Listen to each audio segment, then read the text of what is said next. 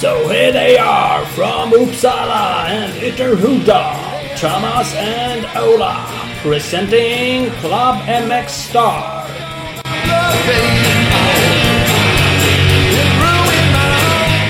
Boom! Bada bing! Klubben Bokstav Podcast. Woho! Ja, Vad peppet Persson. Fan det var dåligt på klipp idag tyckte jag. Pew! Var, dåligt pepp? Ja, vad fan. Hej. Jag mer taggad. Nej, kom igen nu. Fan, jag är taggad. Vi har ett asgrymt avsnitt.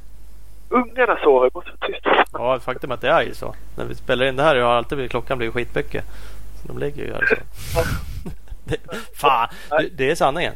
Det, men, Det är hundra procent sanning. det var bara att jag också tänker på det. Så fan, jag kan inte bara vråla. Och, fan, lyhört gamla jävla kedjehus. Vakna med grannarna. Två hus bort. Oj, helvete händer nu. Men vi ska inte ta bort Ja, peppen. Jag är peppad. Kul. Det är alltid roligt. Ja, men det är bra. Det är ett asbra avsnitt. Mm, det är det. Eh, Anders Lillis Svensson. Vet Ja. ni inte vem man är så vet ni det snart. Men Ja, faktiskt. Och jävligt, kanske ganska många säger va? va? Vem, vem fan då? Men det är... Eh, ja, det är jävligt många säger också att bara, ja, äntligen. Ja, men det, det, precis så tror jag det lite är faktiskt. Eh, Men han har kört, kört VM, kört eh, Supercross, kört Nationals. Kört SM, kört Woodcross. Kört, precis, kört på träbanor, Supercross på träbanor. Vi, vi pratar om mycket kul. Ja, ja faktiskt. Väldigt mycket. Mm. Är eh, spons, eh, involverad sponsoransvarig kanske får ta i, men eh, i handbollslandslaget. Eh, så att, ja, han har mycket. m- Många bollar i luften. Ja, vi pratar lite om det och sponsring jämfört med cross och sådär. Lite tankar kring det där. Sånt som vi delvis har pratat om förut men det är kul att höra hans eh, idéer om det där också. Så att, eh, lyssna, det kommer ju här alldeles, Ja. alldeles strax. Eh, Två timmar bara göttigt eh, motocross-snack. Apropå sponsring så har vi några magiska partners med i den här podden. Och de är vi ju faktiskt evigt tacksamma för. Det är de som, ja men en stor del är det ju för att vi fortsätter köra. Det är det ingen snack om. Absolut. Eh, Och vi har ju bland annat med oss CC Motorcycles. Och de har ju två fullmatade butiker i Tibro och Kållered. Eh, Så dit ska man ju åka. De har ju bland annat märken som Yamaha, Honda, Suzuki, Kawasaki, KTM och Husqvarna. Och såklart sjukt mycket tillbehör, kläder, skydd, allt du behöver för att åka bike. Så att eh, ta det till Tibro eller Kållered. Eh, ni följer dem också på sociala medier under CC Motorcycles. Exakt så. Det borde alla göra. Eh, uh, Opels Bilprovning har vi med oss. Vi lever mitt i coronatider men eh, besikta bilen det kan man fortfarande göra. Opels Bilprovning har vidtagit åtgärder för att minska smittspridning och skulle du mot förmodan känna dig krasslig trots bokad tid så kan du boka om utan risk för någon högre pris. Så att det är ju perfekt. Läs mer om det på hemsidan. www.opsbilprovning.se Ja men det är fint. Det är många som anpassar sig till det här dystra vi har. Men, eh, så det är skönt att se att de också gör det. Eh, kanske kan passa på. Är man, eh, har man, är man permitterad kan man besikta husvagnen eller bilen. här. Vi har med Scott också. Cykling, löpning, vintersport eller det vi älskar mest, eh, motorsport. Eh, skott har ju allt du behöver. Så att kika in på skott-sports.com. Kan du prova att lägga typ mindre än eh, 20 minuter på den sidan.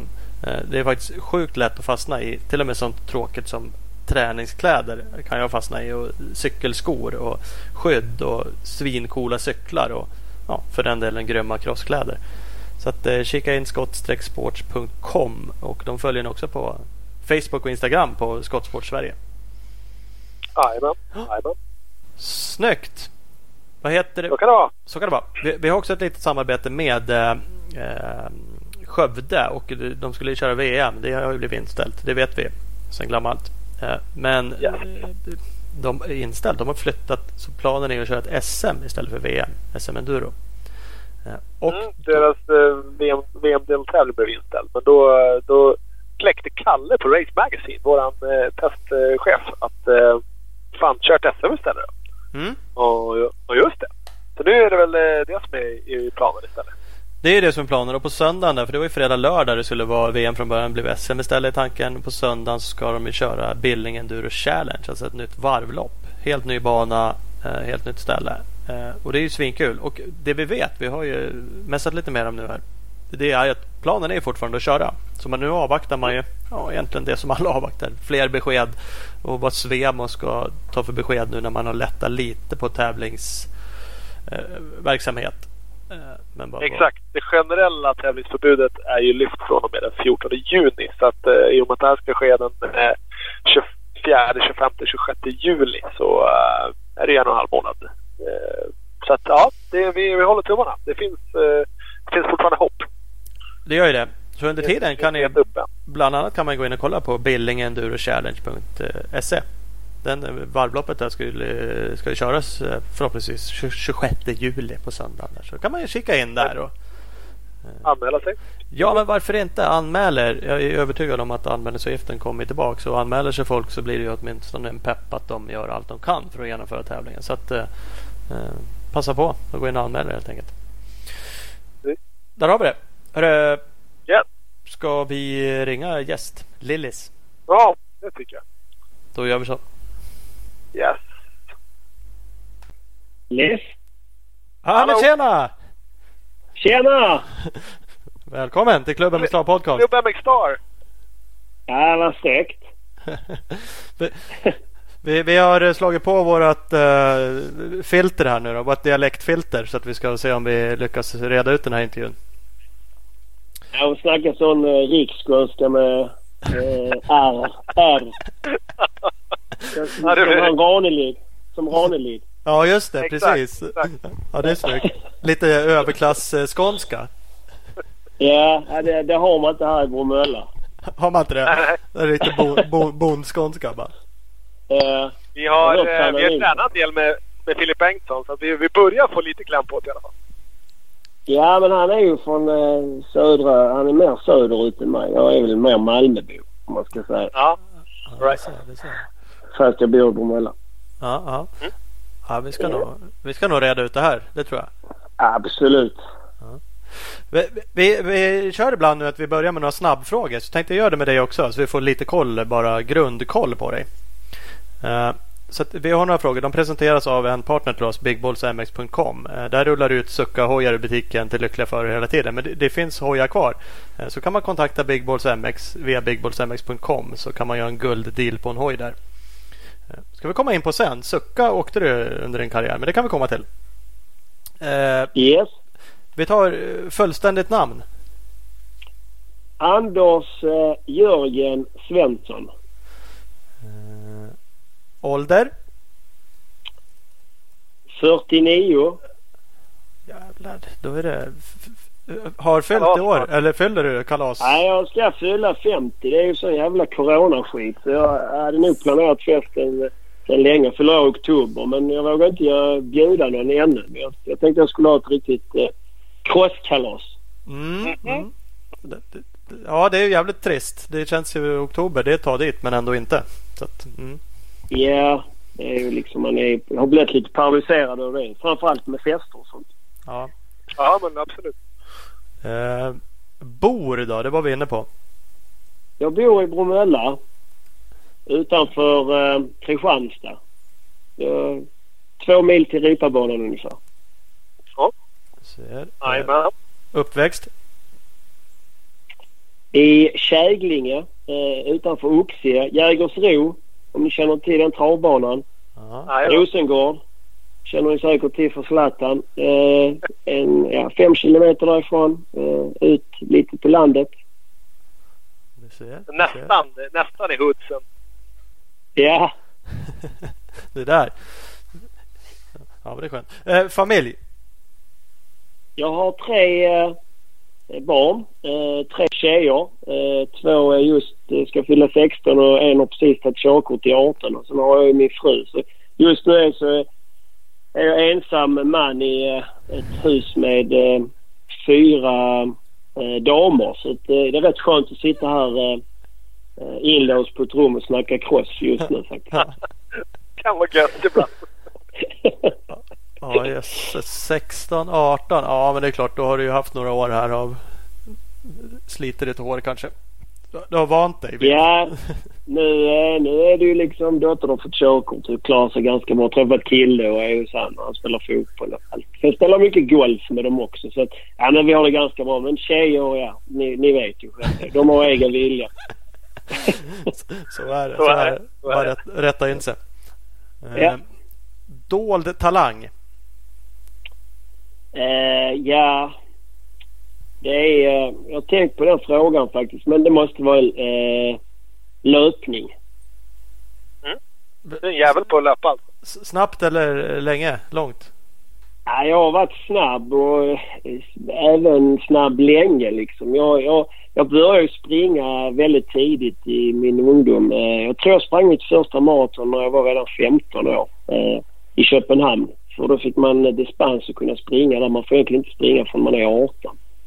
Eh, så jag sprang mitt första maraton och sen har jag avverkat ganska många. Sen har jag varit ganska snabb på milen också. Så att, och jag är det fortfarande som 50-åring faktiskt. Jag, jag, jag håller i. Eh, jag är inte lika snabb men jag, jag, jag, om jag vill så kan jag vara snabb. Om vi säger så. Ja.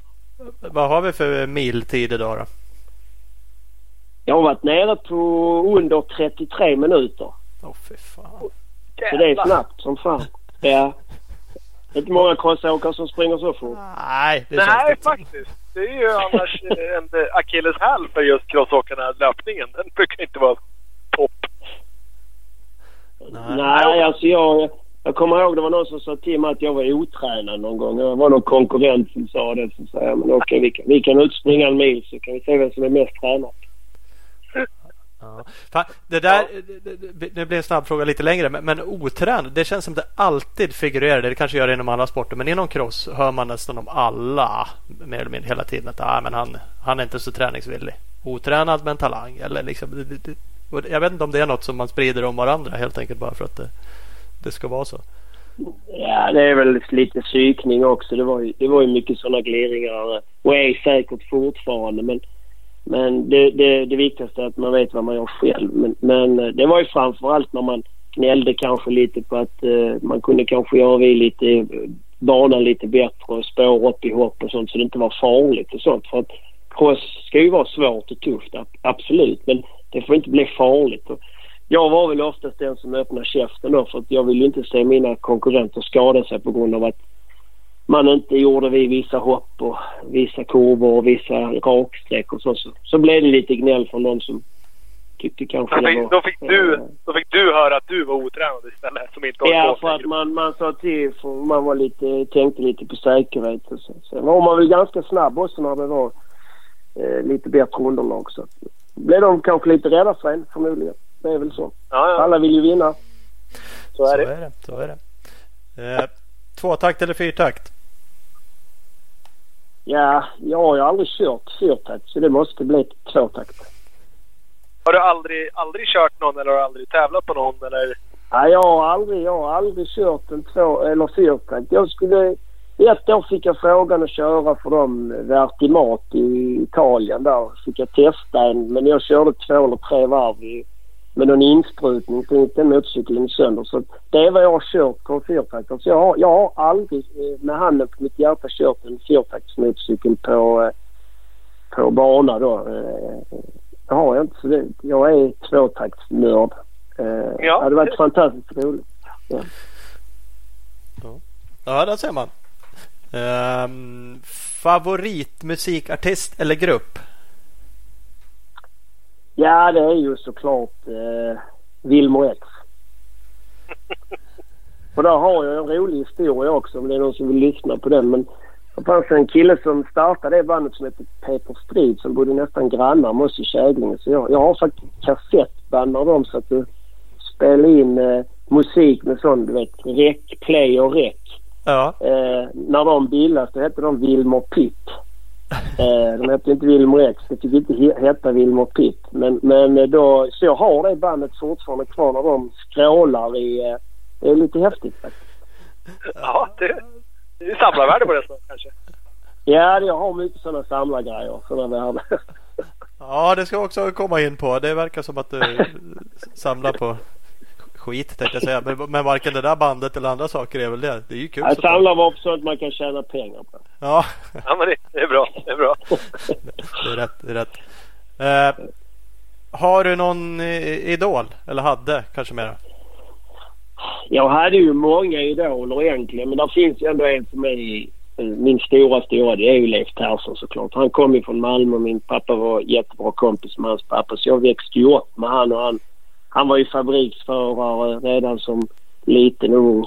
Eh, sen körde han ju Husqvarna-fabriken och sen blev han Yamaha-fabriksförare. Sen, Karla var ju alltid där också. Så det, jag får säga Leif är nummer ett och Karla tvåa. Sen har jag lite andra. Conny Karlsson och Arne Lindfors och lite sådana. Men, men det är ändå Leif Persson som är... Det, det är han som jag liksom hade som en gud under många år. Absolut. Det, det där är ju härligt med det där lokala. Att det finns. Var ju duktig också såklart annars. Men det, det är ju skönt när det finns. Eh, nu har vi, den, den var motocross eller enduro ett tag. Vi bytte ut den i, i sista Vi sekunden. brukar by- ändra den här sista lite. Nu, nu, nu vart den lite relaterad till vad du jobbar med kanske. Mos eller slang? Mus. Outstanding mus. Då, Det är bra. Då, då diskuter, ja, det är skönt. Då diskuterade jag och Ola också. Fan, Åkte ni någonsin med mos? Ja, jag... kom, jag när, när kom mossen? Alltså mussen kom ju eh, början på 90-talet. Eh, jag tror Michelin var först med dem. Jag jobbade ju för Michelin under några år så jag fick ju även vara med och utveckla mus på fabriken nere i Clermont. Men Bubben hade eh, Pirelli-mussar. Så jag fick begagnade utav han och Jörgen Nilsson då när jag körde VM. Jag fick aldrig nya av dem för då hade jag kanske kunnat kört ifrån dem någon på någon hårdbana. Men jag fick alltid begagnade och problemet var ju att då var de ju ofta slut. Men jag lyckades ändå att köra med dem. Men, men jag, jag körde på begagnade mussar under hela min proffskarriär. För de, det var bara de som hade liksom ett riktigt fabrikskontrakt med Pirelli, eh, direktkontrakt, som fick de mussarna de. Sen, sen vi andra fick liksom köra med, med det som de slängde efter. Och då Det tog man ju såklart vara på det. Ja, ja visst. Några varv silvertejp bara så höll de ett tag till. Ja, lite så. Ja, helt rätt. Eh, Du kan ju det. Det funkar, det funkar, det funkar helt okej för mig. Men, men men det hade kanske varit lite roligare att ha haft nya någon gång. Alltså. Men man var inte tillräckligt bra så det var därför. Ja. Ja men det är klart. Fan, det är ju, ja, nu kanske man tycker att priset sjunker lite men annars har man ju alltid tyckt det är ganska dyrt med mos. Så det var det ju säkert eh, då också. Så att, eh, och de kanske höll ännu sämre. Jag vet inte. Det gick åt några stycken. Ni som körde Ja, fort. dyrt och körde- dyrt. Det fanns inte att köpa. Det är ju det som Nej, så nej, fanns det inte då? Då var det ju. Nej, det det fanns inte på marknaden. Nej, det var så. Det gick det det. var bara... Ja, Okej. Nej, det var, det, det var helt omöjligt att få tag på. Det, det var bara till sponsrade förare bara för att deras förare skulle liksom vara i toppen och inte köra punktering. Så det var ju Ah. så det kom. De började med det på rallybilar egentligen. Det var ju så det började. Eh, en gång i tiden på VRC-rally och sen då så kopierar man det till, till motorcykelsidan för cross och enduro då framförallt. Ja, ja. Där ser man. Där ser man.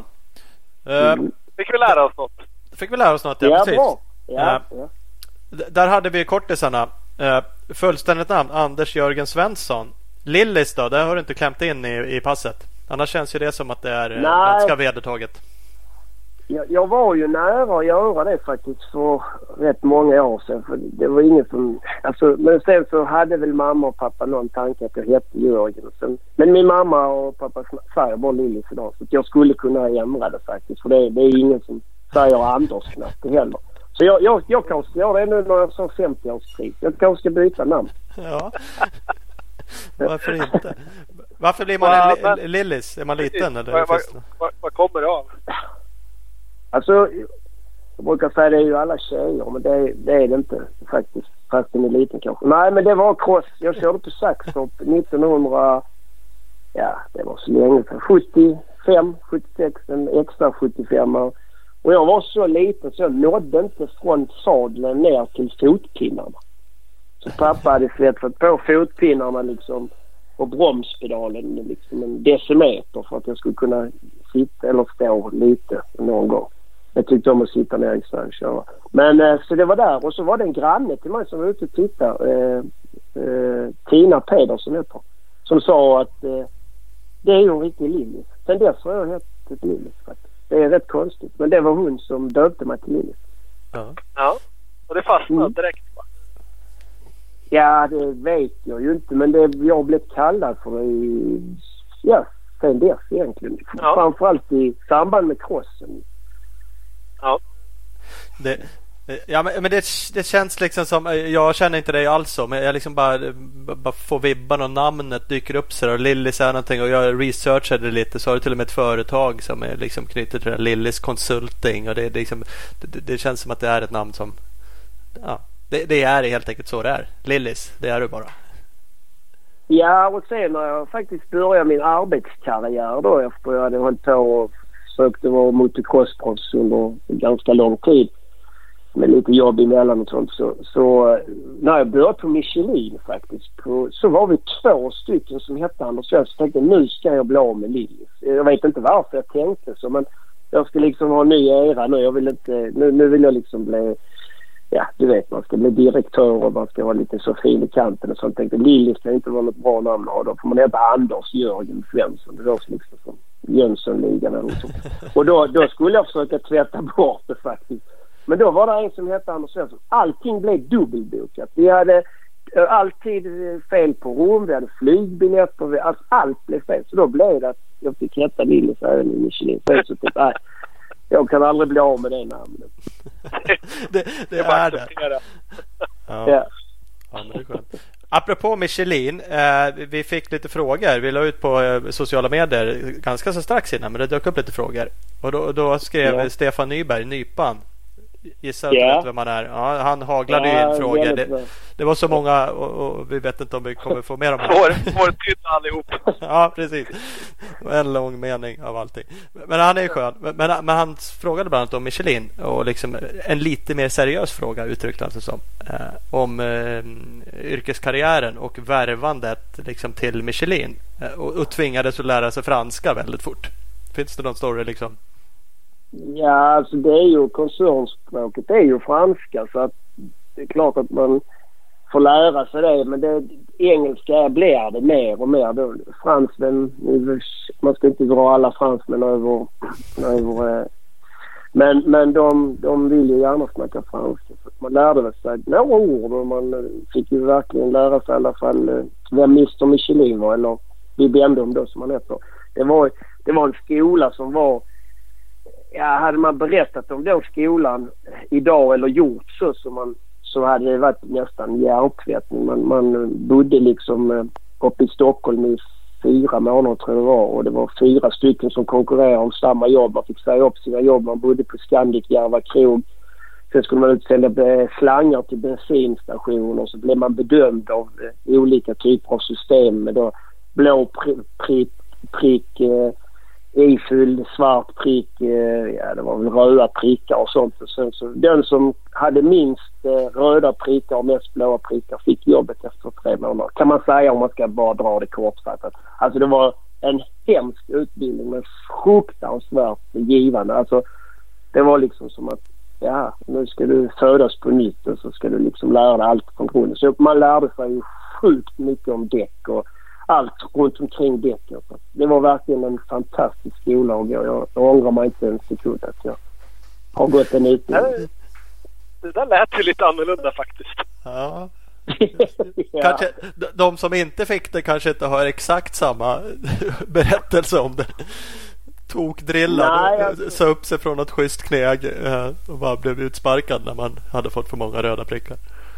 Ja, det var alltså det var, det var utsortning. Alltså, det, alltså den som var bäst han fick vara kvar. Så det blev ju väldigt mycket tävling. Och det var att man blev kompisar med de personerna som man då också skulle eh, konkurrera med jobbet. ja.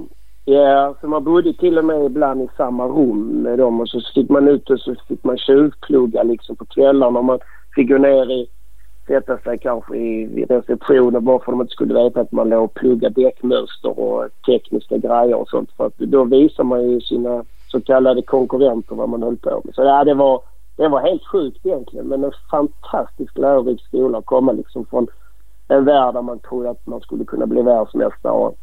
Ja, ja, ja, men jag har kört cross och jag har varit duktig. Och sen så kom man in där, där.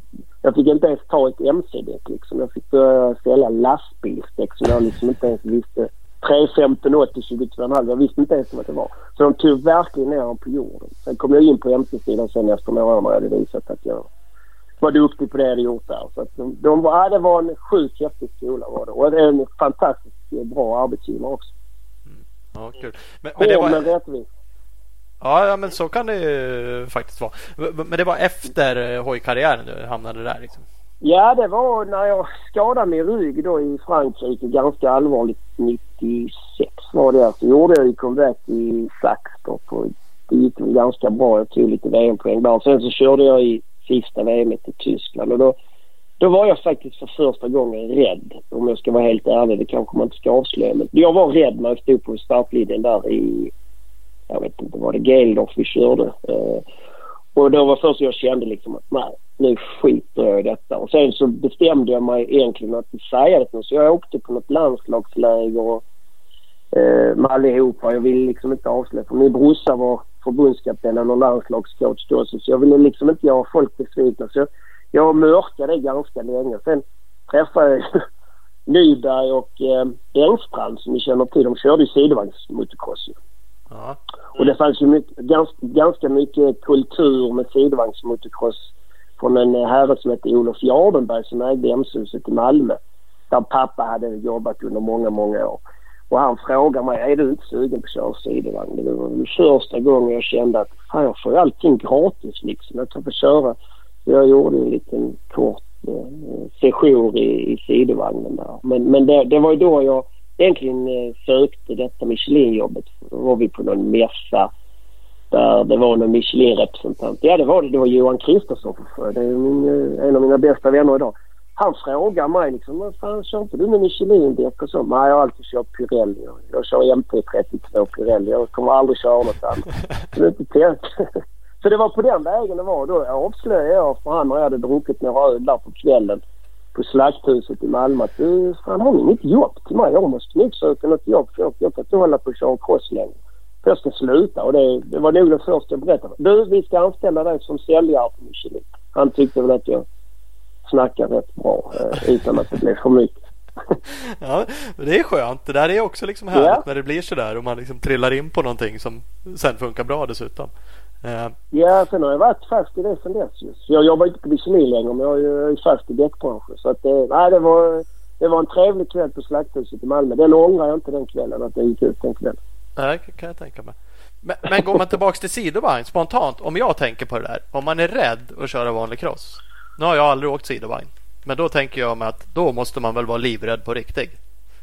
Nej, jag, jag var... Jag kan säga det att man får inte säga så i, i radio och sånt men jag, jag, var, jag var rädd när jag körde sidovagn varje sekund. Alltså jag var livrädd. Det var, jag, jag, jag kommer ihåg att jag hade någon bokslav eh, som hade blivit svensk mästare massor med gånger. För jag ville ju ha det bästa. Jag skulle ha den bästa maskinen, jag skulle ha den bästa bokslavet. Men jag kommer ihåg i Saxtorp där på den fullfartsrakan där vid starten. Det räckte att han liksom ställde sig en decimeter fel fram så bara slog man runt framlänges utan att man visste att man slog runt framlänges. i femman full gas och så får liksom 300 kilo över sig. Så jag, nej, jag var livrädd. Jag, jag grät i, i, i bussen innan jag skulle köra mitt första SM för att jag var rädd eh, i Saxtorp. Så att eh, de som aldrig har kört sidovagn och de som har kört solo, eh, jag säger bara det, de, eh, de har inte gjort eh, det fullständiga i, i, i denna världen. Alltså utan att ha kört sidovagn så tycker jag inte man har varit tillräckligt manlig. Jag, jag sticker ut hakan och säger det här i, nu inför er. Ja, men vad fan. Ja, jag, jag förstår. Det, man ska inte skratta åt att du var, så- var sådär rädd. liksom. Nej, men jag skulle vilja prova fast ändå inte. Det, det ser helt sjukt ut tycker jag. Och så man ser filmer. Fan, de hoppar ju så in i helvete med dem där. Det ser ju livsfarligt ut. Både att vara förare och burkslav. Och, men det hade ju såklart Jag varit frågade ballt att vad du testa. skulle vilja prova. Skulle du vilja köra eller åka med? Nej, men både och skulle jag nog vilja testa. Men det, jag skulle ju också gråta av rädsla tror jag. Men jag vill ändå göra det. Det är ju liksom ballt på något sätt. Ja, jo. Ja. Ja, sen, sen var det ju det. Man kom som solokille och man liksom... Man ville ju liksom slå på. Man ville hoppa och sånt. Så att du var beroende av en annan person också som liksom styrde den till 50-60 procent. Och vi crossåkare vi är ju rätt så egofixerade. Alltså vi, vi, vi, man blir ju det. Man blir lite korkad.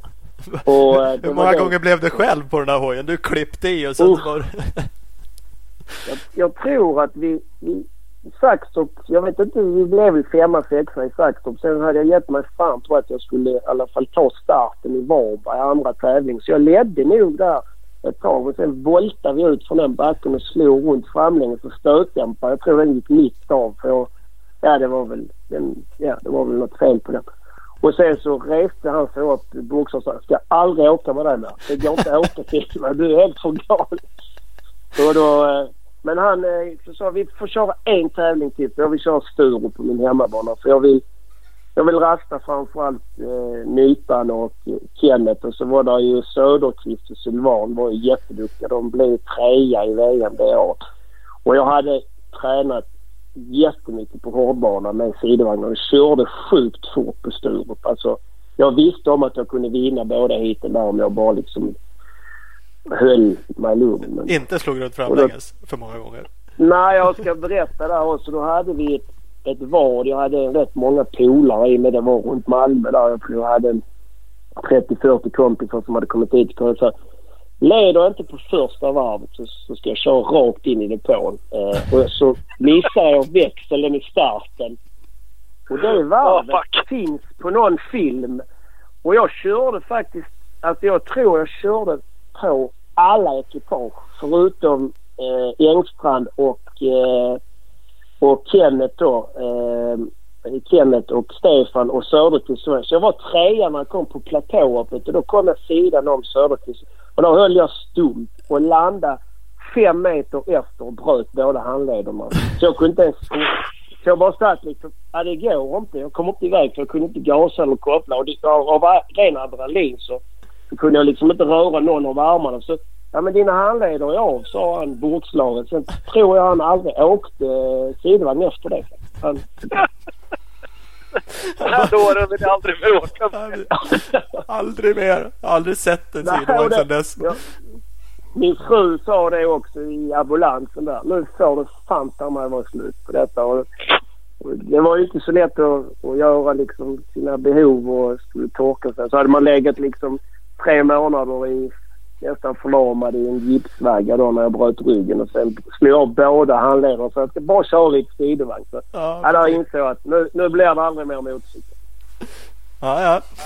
Eh, Det, är så, det där så, det är ju tecken på att man har ett bra förhållande i alla fall. Löser man sådana grejer då är det ju, då är det ju gjort för att vara. Ja, hon grät nog där för att eh, nu får det vara slut. Och då lovade jag henne att jag skulle aldrig köra motorcykel. Och det har jag inte gjort heller faktiskt. Nej. Nej. Ja, det var ju... Det kanske var lika bra då, uppenbarligen. Ja. Hade nog inte haft tre barn annars. Nej, precis. Ja, det kanske är det. Mm. Ja, ja. Jag såg lite filmklipp eh, faktiskt. Du hade lagt ut eh, eh, någon sån här fin Facebook-utmaning att lägga ut eh, tio bilder tio dagar i rad. Eh, jada, jada. Jag brukar tycka de är asdryga. Men det var svinkul nu. Eh, för du hade lagt ut jättemycket bilder. Och filmklipp. Ett var bland annat från eh, när du gjorde illa ryggen då och gjorde comebacken. Och din fru pratade faktiskt om att hon hon kanske till och med sa att hon sa upp sig för att typ ta hand om det helt enkelt. Ehm, Ja. så, så det är klart, på det Ja. två brutna handleder för att du ska skoja och åka lite sidovagn kanske man inte bara är svinnöjd. Nej, det var väl... eh, Nej, men det, det var väl där jag bestämde mig att jag... Jag, eh, jag ville ju egentligen inte sluta för det var ju för tidigt. Jag var ju inte mer än 26 år och kände att jag har sjukt mycket kvar att ge i, i, i sporten liksom. Jag, jag visste om att jag hade haft lite otur. Man hade alltid säsonger där man var skadad. Katarina var ju en fantastisk eh, tjej som var med mig och ställde upp för mig. Hon var ganska duktig i, i dressyr. Nej, i eh, fälttävlan var det. Så hon hade hon var rätt så eh, hård tjej liksom. För när man rider fälttävlan det är lite som cross. Det händer mycket som. Men hon slutade ju med det och sen så när jag då skadade mig så slutade hon på att jobba och sånt. Så jag fick ta hand om mig på heltid. För jag var ju som ett litet kolli då. Så att, nej, hon, var, hon har varit en fantastisk människa genom hela livet. Man, man, man eh, undrar om man har kunnat fått en sån kvinna. Men, men det finns inte så många sådana på, på jorden tyvärr. Men, men eh, hon har alltid funnits där och varit en fantastisk människa. Ja det är så har man haft någon. Ja, ja, men precis. Ja, men det ska man ha. Mm. om vi backar tillbaks lite då för att reda ut lite eh, hela karriären. Nu har vi hoppat lite med saker och ting. Eh, vi, vi fick dig faktiskt att skicka ett litet research-mail till oss. Det brukar vi inte drilla folk så, men, men, du skickade lite grejer så det var ju tacksamt. Mm. Där skrev du bland annat att, att du vann JSM 86.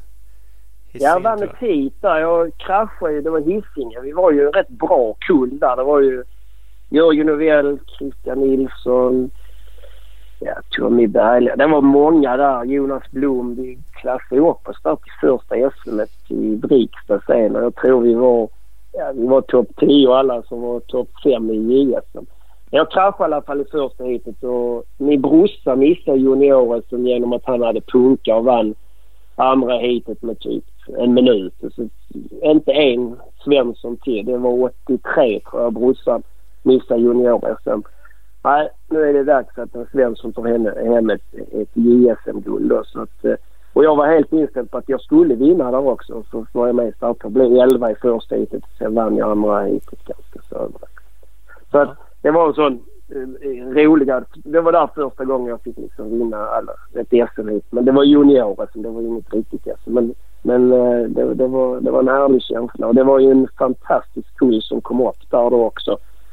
Eh, så var det ju där under den tiden när man var junior och gick upp i senior så kunde ju man nästan gå in och vinna SM och SM och sånt. Jag hörde Gay som berättade om det också. Och det, det är ju rätt, det är inte lika lätt idag, absolut inte. Men jag tror att vi var rätt snabba och vi drillade varandra mycket i den juniorklassen eller B, det hette väl B-klass när man körde och sen blev man A-klassförare efter sina poäng och sånt. Mm. Det var en hård skola, bra konkurrens och mycket folk. Det var Niklas Andersson och det var Christian Svedberg och det var Christian Nilsson och det var Jonas Blom och det var Jörgen Novell och det är säkert någon jag har glömt nu men, men det var fantastiskt många duktiga förare som körde. För då, då var JS bara en del, eller en tävling, eller hur? Ja, du kvalade ja, var det, var det kval? Ja, precis. Det var kval dit. Ja, det var på distriktsnivå. Så att du kvalade i, i typ DM som det kallades då. Och sen var ja. det topp fyra i DM om du, du var tvungen då att bli topp fyra eller topp fem och sen så blev det en final då. Och så blev det då i eh, JSM-finalen då. Så du var tvungen att liksom prestera på de distriktsmästerskapen. Så det var ju den viktigaste tävlingen man hade. Det var ju liksom att komma till JS. Som man fick visa upp sig för. Ja, kvalen var ju nästan lika viktiga så att man överhuvudtaget fick åka finalen.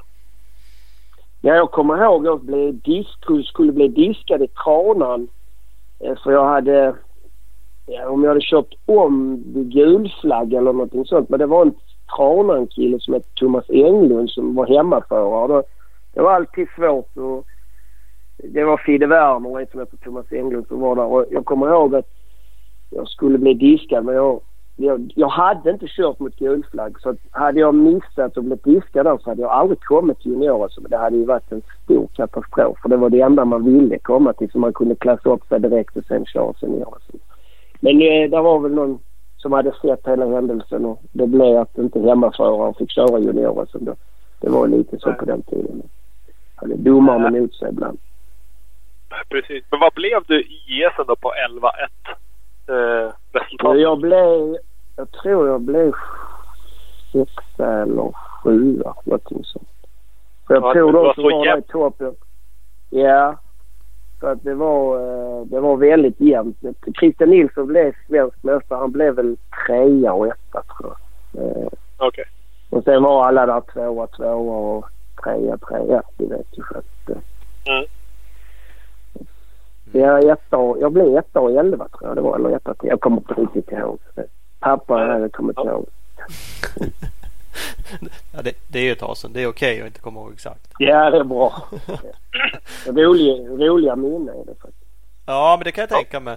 För, för sen klassade ni upp er direkt och då var det bara 15 liksom, och blev senior. Då. Det är ändå förhållandevis eh, ja, tidigt. Men det var det man ville. Liksom. Man ville upp till senior. Att åka kvar som junior eller B-förare det var liksom helt ointressant.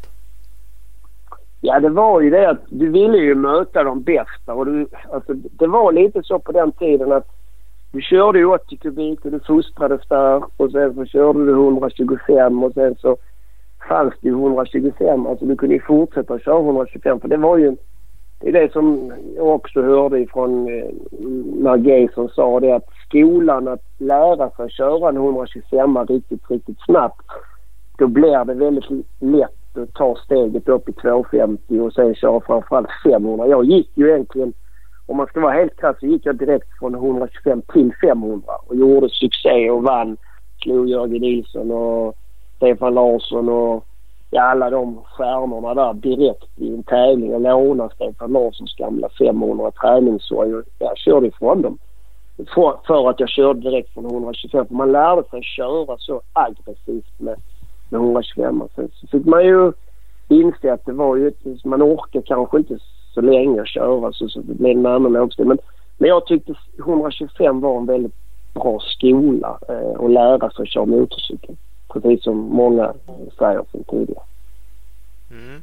Och man kanske på sätt och vis känner idag också. Det har ju kommit tillbaks lite. Så vi har ju en 125-klass i, i, SM då, U17 och eh, EM har ju en klass där. Eh, det känns ju faktiskt även som att det är Nej men det är det idag också. Det är liksom svårt att kunna 125 snabbt. Du måste ju åka aktivt och jobba och slita. Du har ju ingen effekt liksom att åka på.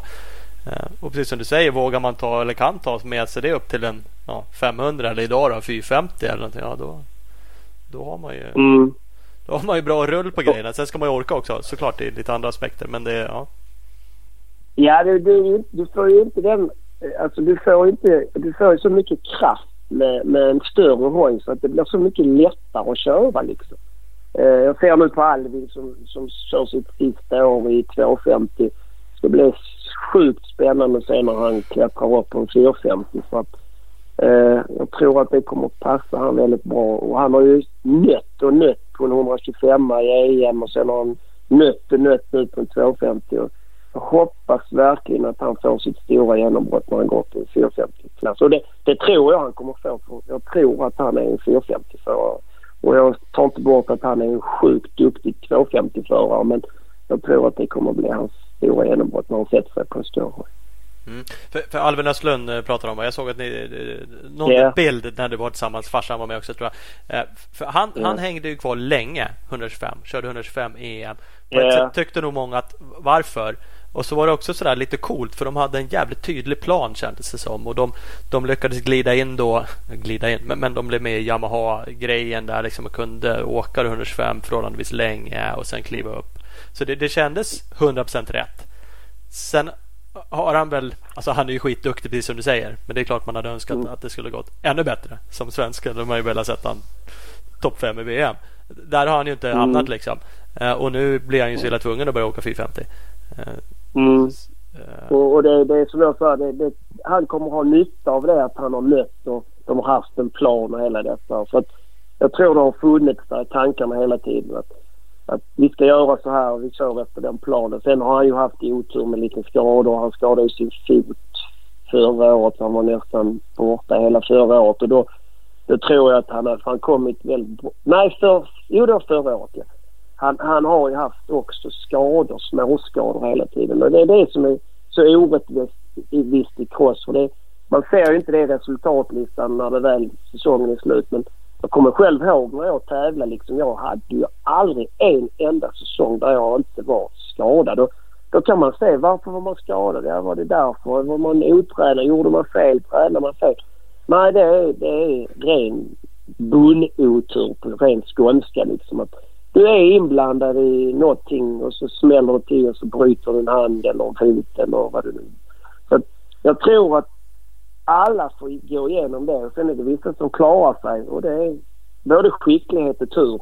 Eh, och tur får man ju genom eh, att vara lite bättre än alla andra. Så jag, jag, tror att, jag tror det är en bra plan och jag hoppas verkligen. Jag är stort, stort hjärta för hela den familjen och hoppas att, att han verkligen får, får lyckas. För det är han värd. Och genom den satsningen som de har gjort. Mm, mm. Mm. Är, är, du med och supportar dem på något sätt? Alltså jag har ju förstått att du är Det, det var också någon som skrev, eller jag har förstått att du är liksom duktig på att ragga sponsorer och hjälpa till och du driver företag och sådär. Alltså är du med och hjälper honom på något sätt? Så, eller? Ja, jag hjälper han ju som sponsring, det gör jag. Han får lite pengar från mina företag, det gör han. Det, jag sponsrar lite där. Eh, med mitt hjärta då. Eh, och sen så har jag hjälpt dem lite med lite, titta på lite avtal och sånt har jag gjort. Det har jag gjort. För att, eh, jo, det har jag gjort. Men inte, inte, inte mer än på kompisnivå och så. Och sen så hjälper han bara för att jag tycker det är en suveränt eh, god kille. Och jag gillar framförallt eh, hans familj också. Mm. Ja, men det, det är härligt. Det är svårt att inte gilla eh, Alvin sådär. Jag, det, det, man träffar honom och pratar med honom är en jäkligt eh, god kille och han är asgrym på hoj. Så det är klart man vill ju. Man sitter ju med något form av Sverige-hjärta och bara ah, kom igen nu då. Låt det släppa liksom. Det, och lever ju fortfarande ja, på Philip Bangs eh, lag-VM-kval, eh, holeshots och sådana där grejer. Ja, men det gör man ju också. Varenda ja, halmstrå vi kan greppa efter. Ja, men så blir det ju. Man, man har ju liksom eh, tänkt, tänk bara liksom vi som har detta grundintresset. Vi, vi är ju ändå några tusen. Eh, vi vill ju all lycka för vi tycker ju det är roligast när det går bäst för våra, våra egna. Vi är ju patrioter, så är det ju. Ja. Och det är ju fantastiskt roligt. Och jag fick ju faktiskt eh, uppleva den senaste världsmästaren från, från nära håll. Gubben då som jag, jag tävlade under de åren och körde väldigt nära han eh, och kände han väldigt, väldigt väl och, och såg liksom vad som krävdes för att bli världsmästare. Och det det är också mycket tur men också mycket träning bakom det och, och, ha, och ha en plan och det hade ju Bubben också. Jag tycker jag känner igen det lite i Alvin också. Att där finns liksom en, en, en röd tråd i allting som de gör. Så det är därför jag tror och hoppas fortfarande på att Alvin eh, kan eh, växla upp och, och, och, ta det steget och, och bli bäst. Och det, det, vill vi alla som håller på och har ett hjärta för den sporten för att han ska kunna bli. Och han har möjligheter fortfarande, absolut har han mm. Kul. Eh, Bubben nämnde det sagt 94 blev han världsmästare 500. Då, då tyckte jag mig yeah. se att du var 37 totalt. Ja, yeah, ja just det. Eh, körde du, körde du många av racerna eller vart det ett fåtal bara? För du körde aldrig någon hel VM-säsong va? Eller? Nej, jag gjorde inte det. Jag, jag var skadad. Jag, jag var ju, började ju bra där det året. Jag lyckades slå Bubben i ett SM-hit i Saxtorp och sen så var jag snabb det året som bara den på tidsträningar. Jag hade lite otur med, eller otur, det var att man var så dålig. Man var inte tillräckligt bra. Men jag, jag var ju lika snabb som många av de förarna liksom på ett, två, tre, fyra varv. Men det var ju starterna. Alltså, vi snackar starter. Ni har ju snackat om det i många poddar här. och Jag har tjuvlyssnat lite. Ja. Och, och starterna på den nivån är ju sjukt, sjukt viktigt. Fast vi körde ju lite längre hit. I 94 körde vi tre gånger 30 minuter var det, tror jag det var. Men när det var 45 minuter då, då kunde man liksom plocka på slutet om man nu var eh, hur tränad som helst. Men, men eh, starter är viktigt och jag, jag, jag kan säga så att vara topp 10 i VM mot att vara topp 20 i VM eller 30 i VM. Det handlar om starterna idag för alla är så pass duktiga och det var det även på våran tid. Var man med i starten så var man med och drog där framme. Eh, sen var man ju inte... Och då, jag körde ju oftast från 30-35 upp till 10, 11, 12 och det blev ju inte så många poäng då. Man fick ju liksom sina ströpoäng alltid. Man kunde aldrig smälla till med någon 10, 15, 20 poäng. För man var ju kanske inte bättre men man var aldrig med i starterna. Då får man skylla sig. Alltså, då, då, då kan du inte heller vara bland de topp 5 i ett VM. Det, det finns, finns inte skapat.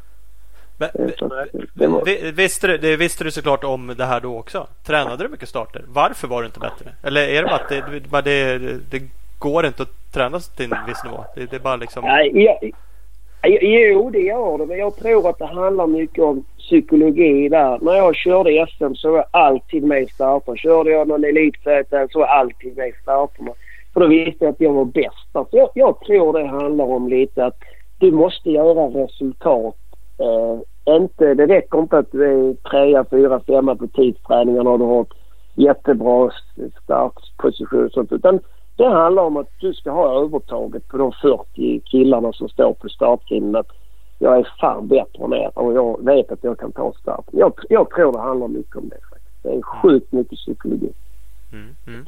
Uh, 2006, 2006 var det, så meckade jag åt Mackan Norlén på, uh, när han åkte yeah, VM. Yeah. Uh, då var vi och Mackan Norlén var ju ja, typ välkänd som en dålig starter. Han, han var grym när han åkte Mm. 80 kubik för då visste han att jag, har, jag äger alla här. Jag åker ifrån er allihopa vilken dag som helst. Ja.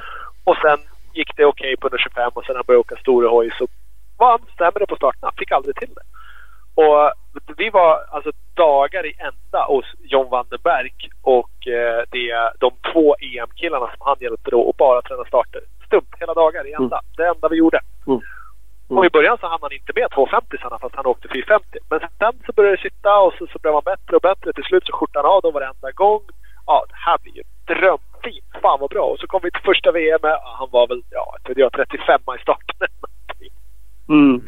Så hade han helt glömt bort all teknik vi hade lärt oss under de där veckorna. Att det ba, bara gör så här så sitter starten. Nej, det fanns inte på kartan. Så att det, Nej, det, är det- väldigt, det är mer än träning. Det är som du säger. Ja, det, det är... Eh, jag, jag, jag är hundra övertygad om att det sitter, eh, sitter mellan öronen. Eh, sen sen eh, säger jag inte att det är så riktigt idag för idag är maskinerna också... Då var ju... Då kunde jag köpa en världsmästarhoj för... Ja, jag fick ju lite sponsring från Honda men gav kanske 15 000 för en hoj. Den kunde jag bli världsmästare på. Så, men det kan du inte bli på 15 000 idag. Och där är det ju liksom maxat i med det fyrtaktare och det är därför jag inte riktigt gillar fyrtakt. För att det har blivit så mycket maskinellt. Det var det inte på våran tid. Där kunde du köra med en standard CR 500 som du var tvungen att trimma ner liksom för att du skulle få ner kraften i backen och kunna... Så det hängde inte på det. utan Jag, jag tror det handlar om mycket självförtroende och, och ja, psykologi. Mm. En en sån som Michael Lessere som alltid varit asgrym på starta. Vad, vad liksom, hur, hur kan man analysera något sånt? Ja, han Ja. är ju fantastisk. Han tar ju... Men jag, jag tror han har det övertaget att han vet att jag har tagit så jävla många starter så jag kan ta starter. Jag tror han hade kunnat ta en start om han hade varit med i Supercrossen ännu. Det Ja, gjorde han väl när han, han tog start. Och det, det är väl det, det, det, det Fide Werner är ju typiskt en sån också. Alltså han, han tog VM-starter liksom. Och vi körde SM och sånt och han var inte mycket... Alltså så, han, ja, var bra i starten också men han var ju en sån som... Jag vet inte fan vad han gjorde men han, han, han kunde vara liksom mitt i alltihopa så Fide Werner han är först i starten liksom. Så, men jag, tror- jag tror... Ja men alltså jag tror att de... Är- de bygger upp någonting där de... Någon känsla. Jag vet inte. Jag har kört med musik i öronen. Jag har kört med bor i öronen. Jag har kört med ja, ah, flerkopplingar. Jag har ändrat ja, allt, allt, allt. Ah, olja, byta olja och lameller efter varje träning. Alltså man höll på med allt. Men ändå så jag höll på, skulle jag ha en sån drag, dragracing-låda som man hade i dragen. Man skulle bara trycka på en knapp.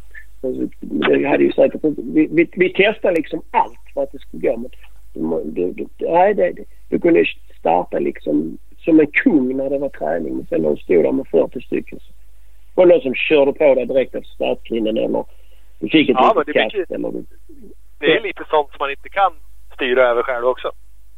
Ja, man, kan, man kan ju vara lite före. Så det är ju sådär. Alltså är du Ja, liksom, ja, det vet du- det, du- det, jag vet. Jag vet. Men det är inte bara det är inte bara bara. Det, så är det. Det är så, verkligen. Det är som du säger. Fan huvudet och jag har sagt det förr också. Det är samma sak för mig när jag körde lite i Sverigecup mot att komma till ett SM eller för den delen motionscross komma någon annanstans. Alltså det sitter i huvudet. Alltså har man kört massa race mot samma personer man vet att de här kör jag ifrån. Ja, men då har man ju liksom mentala med sig utan att tänka på det. Men kommer man och ska möta okända eller de som är bättre så är det mycket svårare. Klart det går att jobba upp det säkert också men, men det, det kommer ju inte helt naturligt då att man känner att självklart att jag bara skjortar av de här. Utan, och, och det, är, det är inte sådär jättemycket marginaler liksom att vara den där fem centimeterna efter och du blir ihoptryckt i starten eller var fem tio centimeter före. Så att det, ja.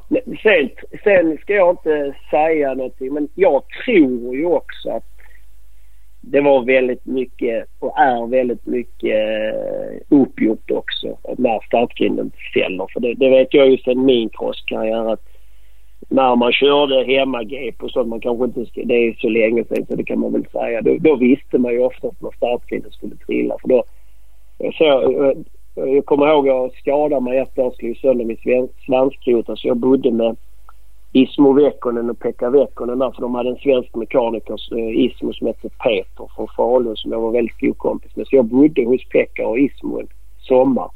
Och då skulle de köra ett VM i Finland. Och då, bara för att ingen skulle misstänka någonting så sa de till den här han svensken där som är med Pekka och Ismo och de där. Kan inte han göra en signal när grinden ska gå då? Och jag, jag höll ju på svenskarna ju såklart ju. Så jag fick ju instruktioner exakt på vad jag skulle göra. Och då, då eh, jag gjorde ju lite fel där. Jag, jag drog ju lite handen lite för tidigt och alla finnar stod i grinden och alla svenskar var skitbra med. Men det var ingen som visste det. Men jag fick inte göra det mer än i första heatet. Och så, så var det på det, så, så var det på den tiden. Jag ville att Peter Johansson och och Jocke Hansson och Bubbe de skulle vara bra med i starten så jag sket väl i dem. Jag hade väl inget hjärta för dem på det sättet. Jag var ju bara hos en svensk mekaniker helt på. Så det var lite roligt faktiskt. Men så, det, så var det. Är det roligt. Alltså. Så, Det är roligt att du säger det för runt den där tiden 1990 hade vi ett lag-VM i Vimmerby med jävligt bra ja, svenska just starter. det. Ja, Kolla den starten där. Jag var där själv. Ja. jag, jag var där själv. Eh, Ja. och jag, det var Fick, liksom fick du göra tecken då också? Nej, då, då, då, då var jag fanta mig lite eh, med amerikanarna. Då. Jag har ju alltid varit så lite rebell. Liksom. Var med finnarna i, på lag-VM och sen var jag med amerikanerna. Nej, då, då var jag faktiskt med Roger Costa som frågade mig då. För jag hade varit och kört i USA då på vintern och blivit lite kompisar med lite förare där. Så att då var jag lite värd till dem i Vimmerby hjälpte dem. Och jag var till och med med Damon Bradshaw, hans mamma, när han skadade sig där på sjukhus. Jag åkte ambulansen så jag missade ju fan halva lag-VM där bara för att jag skulle åka ambulans med han till Linköpings sjukhus. Men jag fick en sönderklippt Bradshaw-tröja av honom så att det, det var väl lite häftigt. Kan vara värt. ja. Ja. ja, det är alltid något.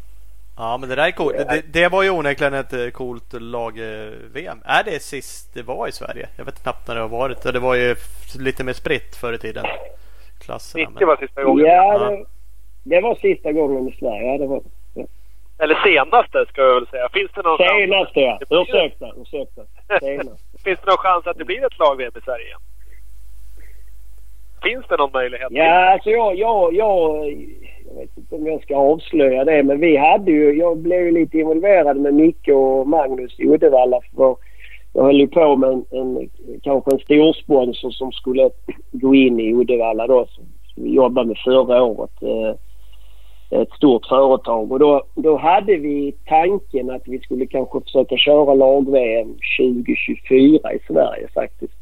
Men eh, det sket sig för det, det var... Eh, han sålde hela det området han som skulle vara med och sponsra kanske till att kunna köra ett lag. För du måste ju ha ett visst område. Uddevalla är ju för litet för att köra ett lag-VM alltså rent eh, publikmässigt och, och logistikmässigt.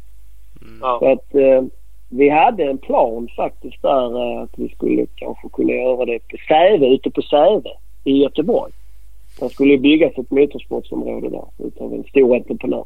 Så vi, vi hade det i tankarna. Vi hade en liten sån hemlig plan om det. Men jag kan väl avslöja det nu för att det, det, det, det blir ingenting av det för, i och med att han sålde området. Mm. Ta tanken var att bygga ett permanent område eller bara liksom ett lag-VM-bana en gång? Ja, alltså det hade nog blivit en, en, en motorstadion, alltså typ som jazzen då. Alltså man bygger Ja. upp en permanent eh, bana då med, så att man kan få in framförallt publiken och logistiken då. Och det hade ju varit häftigt att kunna gjort det men, men de, de drömmarna fick vi lägga på is eh, på grund av att hela det området såldes då till, till en annan entreprenör som, som inte var intresserad utav att, att göra så. Men det, det var, den hade vi lite så, så det var en liten hemlis som jag berättar nu som inte är en hemlis Ja. längre men, men det är inte så många som vet om det. Jag tror ni är de Det är första kul. som får reda på det förutom. Ja, ja, ja. Det är kul. Det är onekligen jävligt coolt men, men tänker man så då Uddevalla som ändå kör VM eh, varje år more or less. Eh, den arenan är för liten liksom. Vi plockar ju inte upp direkt så många andra befintliga banor om andra ord och kör ett lag-VM. Nej, vi kan ju konstatera att det känns kört då för de befintlig bana. Ja, så det, det, det kan jag inte uttala mig om för det är ju inte, det är ju, det är inte vi som bestämmer det. Eller, men, men eh, det blir svårt. Det blir det. För tittar du på där de lägger lag-VM så ser ni vilka sjuka anläggningar det är. Alltså det, logistikmässigt så kan det liksom komma in bilar från tio olika håll och det är liksom campingar och ja, ni vet ju själv. Ja, ja, ja ja. det, det är väldigt speciellt och liksom att tro att det skulle komma så jävla mycket mindre folk även fast vi kör det här. Det ska man inte tro utan det rullar ju liksom in vad det nu är 40, 50, 60 tusen pers typ. Det, det är jävligt stort ju. Så att det... Ja, och alla ska bo och det ska vara liksom säkerhetsmässigt också. Brandrisk. Alltså det, det är sån sjuk maskin men det hade ju varit fräckt att kunna få ett... Fan, det varit jävligt coolt. Det är ju inte bara att dyka på en sån där gubbe igen som dessutom sitter på lite flis och är lite intresserad och har ett område. Och det där är ju liksom om inte lives in, once in a lifetime så snudd på. Nej, det, det var ju... Det triggade han också liksom att, att man... Att det skulle vara någonting som var speciellt liksom. Men det, annars hade inte han varit intresserad. Så. Nej. Ja, det är spännande. spännande. Ja, ja. Precis. Mm. Uh, jag, var, jag, hade någon sån här Bubben-fråga. Du, du är polare med han och jag såg någon bild också på någon fest när jag hade haft det året. Det gick ju jävligt bra för honom där 94, flera år, men framförallt då. Är man ändå du fick inte riktigt till det. Du fick inte till starterna, men du kände att du var snabbare ibland. Kan man känna någon bitterhet liksom? Att någon annan går och vinner ett VM-guld? Som man kanske har spöat? Eller ja, nej, man, alltså, man, man, man, man kunde inte vara bitter på Bubbe för det var ju också en fantastisk människa med en fantastisk vinnarskalle. Alltså, alltså det finns få som, som var som Bubbe. Alltså jag kan inte jämföra det med någon annan. Alltså, han hade liksom... Han hade allt rätt. Alltså det är därför han blev världsmästare. Det, det förstår Men, men eh, nej, han var ju aldrig bitter. Absolut inte. Han, han var en eh, jävligt schysst kille som försökte hjälpa mig liksom och försökte ordna lite grejer från Honda och snacka alltid gott. Och han ordnade Marasocchi, han ordnade lite däck från Pirelli. Och han, han fixade från fina sponsorer var det Berg-hjälmar, han som har Airo idag. Då sa han liksom Lilly ska också ha några hjälmar. Alltså, nej, det var en jävla skjuts. Vi var, var, efter varje VM där så bjöd han alltid på mat. Han körde in lite mer prispengar än mig varje tävling. Vi körde in schweizerfranc på den tiden. Så att, nej, det var aldrig något. Liksom kunde sova i Vi hade en fantastisk eh, resa gjorde han 94 där. Eh, eh, nej, så jag, jag var inte alls... Jag, tvärtom. Jag, jag fokuserar nog mig för mycket på han den, den säsongen om jag ska vara helt ärlig. Utan att han kanske hade så mycket hjälp av mig eh, på banan för att han var ju rätt så mycket snabbare och alltid bättre i starterna. Jag försökte ju hjälpa honom i sista VM-deltävlingen. Det gjorde jag också. Jag körde faktiskt ner Jackie Martin i, i starten där i och med det som hände i första heatet. Så jag, jag offrade min, mitt hit där på grund av att nej, den jäveln ska, han ska få eh, en cykel i sidan. Och han fick ju min cykel i sidan så han trillade. Så att, ja, nej, det var, det var nog mer att jag, jag ville verkligen att han skulle lyckas där. Det, det är väl Svensson-hjärtat man har där kanske. Att man, man tänkte kanske för mycket på andra än sig själv. Men det är kanske därför man inte blev bättre än vad man blev heller. Ja, ja jo, men man kan ha vunnit på andra sätt. Sen är det ju ja. ballt att ha varit världsmästare såklart. Men Absolut. Men tillbaks till det. Det, var ju, det finns ju en skön... Jag har lagt ut det där på min Youtube-kanal. För mig det från hela den säsongen. Sammandrag.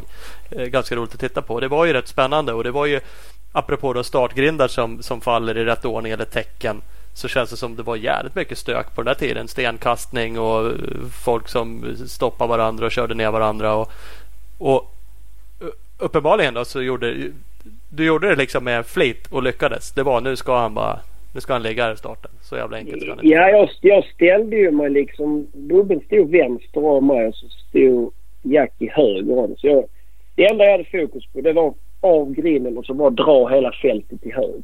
Det var ja. det enda alltså, där, där, där körde jag med livet som insats. Absolut. Jag, jag, jag gjorde det för Bubbens skull. Jag tyckte det var så jävla orättvist efter första heatet så som Gert-Jan van Dorn höll på med Bubben. Jag låg ju faktiskt bakom och såg det lite också i på vissa partier. Alltså det var ju riktigt, man ska inte säga fula ord här, men, men det var, det var, det var uh, fult. Jäkligt fult. Så jag, jag blev väldigt peppad.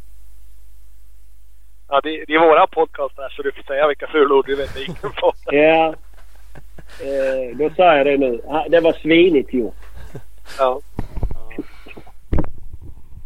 Jo men de åkte ju liksom och, och ja, men stängde och försökte också köra omkull och jävlas med Bubben. Så var det ju liksom. Det var ju bara, det var ingen... Ja, Bubbel, Bu- Bu- Bubbel skulle ju aldrig fråga någon om det. Alltså han skulle ju aldrig bli Nej. världsmästare och liksom be någon annan om hjälp för det. det. Är det som är så stort med Bubbel liksom och Karla och alla så. Och det är det som är så lågt med, om man nu skulle blivit det. Och nu Jackie hade blivit världsmästare. Hur, hur roligt hade det varit för honom om han hade fått den medaljen runt halsen och vetat att ja, jag eh, lear fem, sex förare här i detta heatet. Eh, för att jag skulle bli världsmästare. Så det, det var det vi slogs. Vi slogs mot Goliat och det var häftigt. Och det, han lyckades med det och det, det är fräckt. Det är häftigt. Det är fräckt. Men, var det så eller tror man att det var så? Han, han liksom hade snackat upp sig med en jävla massa förare. Så här är det, jag ska bli världsmästare. Nu ser ni till bara att Bubben eh, håller sig bakom eller ligger ner, kör omkull gör vad fan ni vill liksom. Men Absolut, det var det så. Absolut var det så. Det var... Det kan jag svära på min, eh, på min mors grav. Hon är inte död nu men eh, jag kan... Eh, absolut var det så. Absolut var det så. ja, nej, det, det, då är det ju liksom så här, fan, som sagt. Det är klart, ingen hade ju kanske, många vet inte om det och det syns inte i historieböckerna. Men frågan är om man tycker att det är riktigt lika kul eh, att vinna det VM-guldet. Jag Det- kände ju mig sjukt utfryst året efter för han gick ju till Belgiacom. Och jag körde ju 95 och jag tänkte gött nu kan Bubben och jag göra någonting i 500. Äntligen ska jag få chansen liksom att få köra kanske i team med Bubben då och hela detta. Det var ju liksom min målsättning. Det kan jag berätta nu. Det har jag inte berättat för så många heller. Jag tror aldrig jag har berättat det för Bubben heller. Men då gick jag ju ner till 250-klassen. Och då drog vi ju till en supercross i Leipzig Eh, där han hade precis skrivit på för Giorgio B och Belgiacom och körde Leipzig Supercross och där kraschade ju Bubben i trippelhopp som han landade precis på kanten och slog runt framlänges. Så han slog ju, det var egentligen där han fick sin första riktiga skada i nacken som spökade för han länge ju. Och då låg vi där på, eller vi hämtade han på sjukhuset för hans tjej bodde med oss också där i bussen. Så vi stannade ju kvar i Leipzig och åkte till sjukhuset och hämtade upp Bubben där och då sa jag det. Fan du och jag skulle ju köra liksom tillsammans till. Så när jag kom ut på VM då där första VM i Italien och jag inte hade Bubben där så kände jag mig sjukt ensam. Det, och den säsongen jag körde ju bra där. Jag var sjukt taggad och tror jag var trea, fyra på första tidsträningen. Jag tror jag blev tia, elva där i de första heaten. och hade men hade jag haft Bubben med mig där som världsmästare så tror jag det hade blivit mycket, mycket enklare för mig också att, att lyckas. För att det var precis som att jag hade förlitat mig lite på honom. Jag såg att han kunde. Och jag visste att jag kunde ju köra lika fort som han i SM. Jag kunde köra lika fort som han på träningarna. Jag visste att jag tränade lika mycket som han. Jag hade ja, gjorde tog lite tester och sprang och sånt. Så där, där, där klippte de av lite eh, navelsträngen för mig som jag hade byggt upp med Bubben. Det, det, kan jag väl vara lite så att jag tänkte fan att jag inte fick chansen att köra 95 tillsammans med Bubben. Det, det, det kan jag väl vara lite så ledsen över. Ja. Ja men man har ju alltid sådana där grejer. Eller alltid men det är klart det finns. Och om och men det kan man ju sitta själv i. Det, kan, Nej, motionstävling liksom. Ja, men det, det, det, det, det finns något. Det finns ju något trist i att hålla på och tänka så. Men det finns ju också något skönt i att göra det för en själv. Och, och man kan ju på något sätt. Jag kan känna i alla fall att det finns ju. Ja, men det kan finnas något riktigt i det. Precis som du känner. Du hade troligen liksom gjort en bättre säsong. Sen, kan man inte veta. Ja, jag Det är hade- ju spekulationer. Nej, det, absolut inte. Men man hade, man hade liksom, man visste ju, man visste ju vad insatsen var för att bli nummer ett. Och ta steget från 27 i VM till, till topp 10. Det är inte speciellt stort egentligen. För det handlar ju bara om att du tar de extra poängen och du har dem lite, lite bättre start. Så mycket poäng skiljer det inte från 10 till 20 eller 22 eller 25. För det gäller att du tar kontinuerligt och du håller dig skadefri framför allt.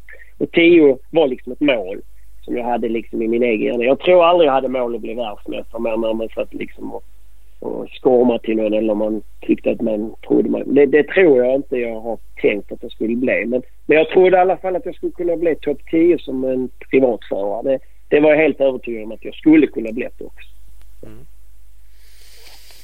Ja, mm, så där är det. Sen var det Ja. krasch istället och sidovagn. Och två handleder i, i bandage. Gips. Ja, just det. Ja. Ja. Men, men Sen det har jag faktiskt kört supercross i USA. ju. Till final har jag också kört. Ni gillar ju supercross, det har jag hört på er poddar. ja, men det gör vi. Absolut. Ja. Och, och vi älskar ju eh, liksom alla förare. Vi tjatar ju på dagens förare också. Vad fan kör de inte fler tävlingar? Liksom? Varför drar de inte till USA och provar? Eller inte vet jag. Supercross i Indien. Eller, ja, men ibland känner man så. Ja. Fan, de, de provar inte på någonting. Liksom. Och det känns ju kanske både enklare och svårare idag än vad det var på, på den tiden. Jag vet inte. Men det är inte så svårt att flyga jorden runt här, i alla fall idag. Eh, Men, eh, så att, men, det är ju coolt. Jag, jag, har, jag har ju faktiskt en liten rolig grej där vi kan ju ta det. Jag körde sån Hallencross heter det. Man kör på trägolv i Tyskland. Och jag var den enda svensken som körde i sådana cykelvelodrom och på trähopp och sånt. Jag, jag hörde att ni hade snackat om det i någon podd. där, så Jag tänkte jag skulle berätta om det. Jag körde min första tävling 1986 eh, i Frankfurt i Westfahallen. Jag tog fram de dokumentationer för att jag skulle liksom ha lite koll på läget nu och berätta detta. Ja. Då fick man 1500 D-mark. Och jag kan säga det att det, det är också en sån grej som sidovagn eller när man är rädd ibland eller van om man körde cross. Men just att fan, här kan man köra ihjäl sig. Man kan ju flyga rakt ut från läktaren för att man körde typ en cykelvelodrom.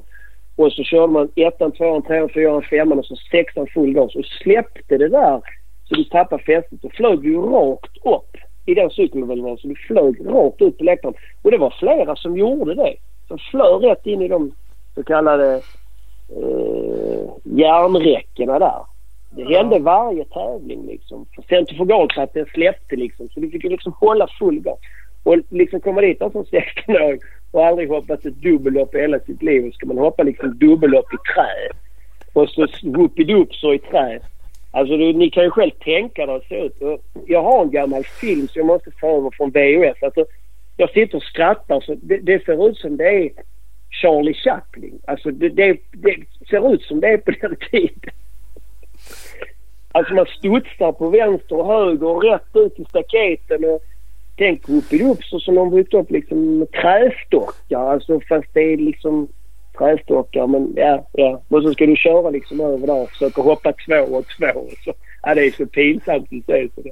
Men det är också jävligt coolt. Det, jag, jag var tvungen att söka för jag vet inte att jag hittat. Det, söker man på Woodcross så hittar man något Ja. gammalt klipp. Sen var, om det var det, när du körde, det spelar ingen roll, men liknande i alla fall. Det vore så jävla kul om Ja. du lyckades få upp den där VHSen. För att det är Ja, helt bisarrt det. Det ser helt sjukt Ja. ut. Man bara känner sig, vad fan det här är ju Mm. helt orimligt. Kör upp på läktaren har jag sett någon gång ibland, på typ en smal spång ungefär. Vänder, ner igen. Ja. Och så ut i Ja. den där jävla velodromen bara stumt. Och så in i någon jävla trävägg typ till hopp. Bara fly. Eh, Men det ser också jävligt coolt ut. Jag tänker så här. Ibland så spånar jag sig det. Man borde arrangera en tävling och så svävar man alltid iväg. Typ. Inte vet jag, så lag-VM borde man arrangera. Eller supercross. Borde få hit alla. Det ska vara så jävla stort och flashigt. Och så känner jag så här. Fan det där var ju jävligt coolt. Publikväldet måste det ha varit om inte något. Vi, vi var ju i, de körde ju i Köpenhamn i den cykelhallen där. Jag tror det var jag och Fidde Werner. Jag kommer inte ihåg vem det var som mer svenska. Men det var Fidde Werner som körde där, jag i alla fall. Och jag vet att Claes Manne Nilsson, en, en dansk väldigt god vän till mig, vann den tävlingen. För tyskarna var jävligt duktiga på detta. Det fanns en förare som hette Harald Utz. Som var, han var kung på detta. Alltså det, de skickade över amerikanare som körde supercross men de slog inte han. Han- var liksom grym på detta. Men han, jag hörde ju sen i efterhand att han värmde ju sina däck så ingen såg det. Med sådana värmar som han hade i rodracing. Han hällde på någon jävla bensin på däcken så han hade ju sånt sjukt fäste. Vet en annan kom med traildäck som han hade fått lånat av någon trailkille här hemma i Sverige som hällde på liksom på hjulen och så sladdar man liksom och så Ja det var, ja, det var ju liksom helt idiotiskt. Man hade ju liksom, det var som att köra på hal is. Det är som att köra gokart du vet när man kör på betong. Kör gokartbil på betong som inte är behandlat. Det väl lika halt som det liksom. Och så skulle du hoppa liksom och landa och svänga. Så. Ja det, det var Det blir ju inga, det. det är liksom inga naturliga rundningar på hoppen heller när man bygger upp dem i trä. Det blir ju bara kantiga vinklar hela tiden. Ding, ding, ding. Vi har ett litet reklambreak. Vi har ju med oss Husqvarna. Husqvarna älskar ju nu för tiden Youtube. Eh, Och eh, alla som älskar Husqvarna. Eh, därför så har de nu en egen Youtube-kanal som de matar med härlig information om allt som vi älskar kring Husqvarna. Så att, eh, passa på, gå in och följ Husqvarna Motorcycle Scandinavia på Youtube. Prenumerera nu där på deras kanal. Eh, tycker ni framförallt ska göra det för Husqvarnas skull. Men ni kan göra det lite för våran skull också. Får vi fett med cred om de får hundra nya prenumeranter här eller 1000 nya. Så att, klicka in där. Kör en prenumeration bara. Mm. Och så Det får ni, kostar inte alls. får ni väl avprenumerera sen. Då, då, då kan vi ändå få lite cred för att ni har Nej, det ska man inte göra. Det släpps roliga grejer där. Eh, man kan också följa dem på Husqvarna Motorcycle Scandinavia på Instagram. Yes. Det här var en ren kärleksförklaring till Husqvarna de rakt av. Mm. Det, står vi, det står vi för. Helt skamlöst. Vi har även med oss Speedstore. Butiken i Valbo utanför Gävle. Husqvarna 2021 är eh, snart på väg in. Men eh, Speedstore har precis fått tag på tre stycken Husqvarna F350 20 fortfarande. Fanns sådana kvar. Så här finns läge att göra en riktig gulddeal. Eh, Richard på Speedstore har också fått feeling för montage. Är ni taggade på en Husqvarna 701 montage finns nu all möjlighet att eh, få tag på en sån till riktigt bra pris med. Så det finns, eh, finns grejer. Det finns eh, ja, businessmöjligheter skulle jag säga. Kontakta butiken direkt så hjälper de er. All info finns på www.speedstore.nu eller speed-store på Instagram. Precis. Ring. Fråga efter Richie. Hälsa från oss. Yes. Nu kör vi Lillis. Jag skulle säga det precis när det bröt för att det var nog ett platå som man gjort som var typ 10 meter långt. Och det var nästan ingen som hoppade över det. För det gick inte att hoppa över. Det var liksom så halt i kurvan innan och skulle man hoppa. Man landade på kanten varje gång och slog runt framlänges. Så det var det jag såg på den filmen. Det var då det såg ut som det var liksom Herregud alltså. Var man så dålig på att köra Ja, men det, det syns ju inte hur svårt det är då såklart. Men liksom så här, lite hjulspel, komma in, fullt ihopfjädrat säkert, studsa upp. Man kanske inte vill kanta allt för mycket för det är antagligen lika tvärt på väg ner. Och, Ja. ja, jösses. Nej, fan jag, Ja, det var- det, det ser så jävla sjukt ut men ändå charmigt på något sätt. Vi ska Och det är ju- de banden. Ja, Ja, och kollar man så är det ju, alltså det är ju storstjärnorna då från eh, den tiden som åkte. Det var inga, det var liksom inga lokala tyska serierace utan det var ju mycket VM-stjärnor som åkte. Ja, ja, jag körde. Det var ju Everts och alltså det var ju alla. eh, Healy och ja, det var Peter Bayer allihopa. Det var de som körde. Så jag, jag tittade Ja. någon startlista där och körde till och med med Harry Everts där 86 i Frankfurt. I samma heat som Ja. Harry Everts liksom. Det är hans Det är pappa. Då är man gammal. helvete. Ja, då är man gammal. Liams farfar. Liams farfar körde jag med. Åh, Fy fan. Ja, ja. Men, men varför drog du när du gjorde det där? För att det var kul eller var det just att det fanns lite pengar? Så lite startpengar, dra iväg. Ja, det var det. Var det. det var eh, en, en eh, extrainkomst. Och sen hade jag en eh, promotor som, som eh, eh, Landskrona Motorklubb, Jan Persson, som kände någon tysk. Han körde sidovagn och var ordförande i Landskrona. Det, det var han som fixade någon kontakt där. Så det blev att jag körde ner. Jag, jag har alltid gillat supercross och amerikan, amerikansk cross och sånt. eh. Så att det var, det var eh, ren inspirationskälla. Så jag lyckades komma med där en gång. Sen lyckades jag få köra där. Jag, jag gick nog inte till så många finaler men jag gick till semifinaler. och Man hävdade sig för jag körde för KTM ett tag. Jag fick till och med hoj när jag kom dit. Jag, det får jag inte heller berätta för någon men jag körde med med mammas bil när jag var 17 år genom Autobahn till Frankfurt utan körkort för farsan ville inte följa med. Så jag drog själv eh, TT Lines-färjan och sen körde jag den och körde hem. Mamma undrade var hennes bil hade varit borta i fyra dagar så kom jag hem. Nej, jag vet sa jag inte. att kört supercross. Jag har inte sett någonting. Ja, det är ju är legendariskt. ja, det var lite roligt. Det var när man var matchrace. Ja, fy fan. Ja, det är asskönt. 1500 Ja, det gick i Danmark. hade man med sig hem. Med- Ja, precis. Var kommer de här ifrån? Nej, jag vet inte. Vart på åker. Ja. Ja. Det var lite roligt. Ja, det är kul. Men, men hur hamnade du i USA sen då? Det var några år senare eller som du var över där och körde? Du, det var, det var faktiskt Hisingen som vi berättade om JSM. Det var en amerikansk eh, kille som hette Ken Kronberg som var och tittade på den tävlingen. För Helene Kronberg, hennes pappa var någon Volvo-chef eller något sånt. Och då hade de flyttat till Connecticut i ett ställe som hette eh, New Jersey. Heter det väl? Ja, New Jersey var det. Då var han och tittade på den crossen för han hade kört cross. Och då vann jag sista heatet. Och han tyckte jag var så jävla fräck där för jag hade visst vinkat och ja, showat lite sånt. Och då kom han fram och eh, började snacka med mig. Så det var han som bjöd över mig för då hade han han ägde något företag så att han betalade hela den resan till mig eh, plus att jag fick från Myrefors då som eh, Kent Sjöstrand som var min sponsor också. Där jag fick trycka upp tröjor och sålde till alla mina grannar och alla i grannbyar och allting. Så jag fick ihop pengar från försäljning av t-shirts och så betalade han resan och, och så fick jag bo då i USA då hos han först. Men han bodde ju... Jag tänkte inte på det. Jag åker till USA och kör supercross. Men han bodde ju fan i New York. Det var ju fan snöstorm när jag kom hit där. jag hade inte planerat det så det var också en sån, impulsiv grej. Så mitt i alltihop, fan jag kan inte köra cross här ju. Nej, du måste ner till Florida och köra för det går som Daytona och Atlanta och hela det där. Ja, vi måste fixa så du kommer ner till Florida. Så då bodde jag hos en kille som hette Jeff Frisch som körde supercross i eh, USA körde på Kawasaki liksom lite halvfabriksvarv tillsammans med Mike Fisher och dem, han som var teamchef för Kawasaki. Så jag lärde känna dem så jag bodde där i någon husvagn hos dem. Och sen, ja, på den resan var det. Fick lite hjälp från Yamaha där. En lokal handlare så körde jag någon sån Florida Winter Sale så slog jag både Michael Rocco och eh, Mike Healy där i ett hit. Och då var han där han Keith McCartney hette han eller han heter väl det fortfarande. Han är väl firma han känner igen mig fortfarande.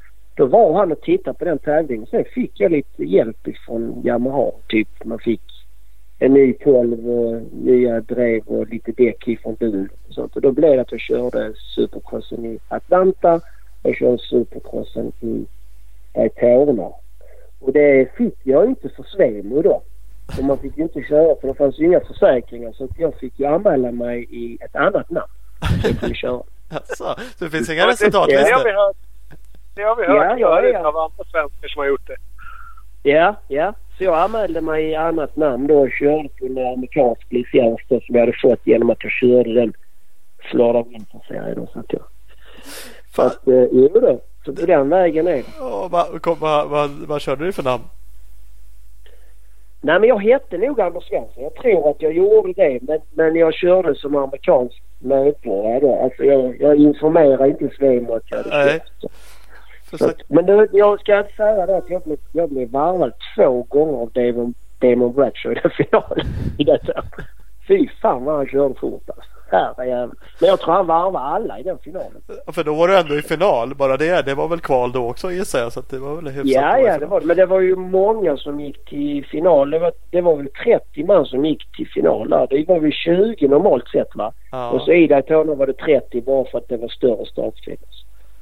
Annars hade jag säkert inte klarat det. Jag tror jag kvalade in som bland de sista där. Men jag har i alla fall kört en supercrossfinal. Det är inte så många som har gjort det. Nej, det är det ju verkligen inte. Så det måste vara jävligt kul. Men, men det vart inga ännu mer så här ringar på vattnet? Någon som tyckte fan skulle inte vara kvar liksom? Mer support och du hade några tankar på? Eh... Jo, men jag... Man tyckte man var lite king i där. Man hade kört ifrån några förare där som körde, hade kört, ja du vet ju, Mike Healy och Mike LaRocco och. Så nej, då ville jag hem och visa var skåpet skulle stå. Så jag, jag, jag ville bara hem egentligen efter för att jag skulle jag hem. Jag kommer ihåg Jonas Hagren gjorde ett reportage om mig i, i race tror jag det var. När jag kom hem från USA så jag kommer vinna SM hur länge? Jag tror jag blev 11 i SM året innan när jag åkte över. Och sen när jag kom hem så, så, så var det någon artikel. Han har snackat om den länge. Jag tror det är många som har kommenterat den i många. Att jag vinner SM hur lätt som helst liksom. SM, vad fan är det? Alltså jag blev lite amerikansk inspirerad. Men det var väl lite roligt. Många kommer ihåg mig från att jag gjorde det.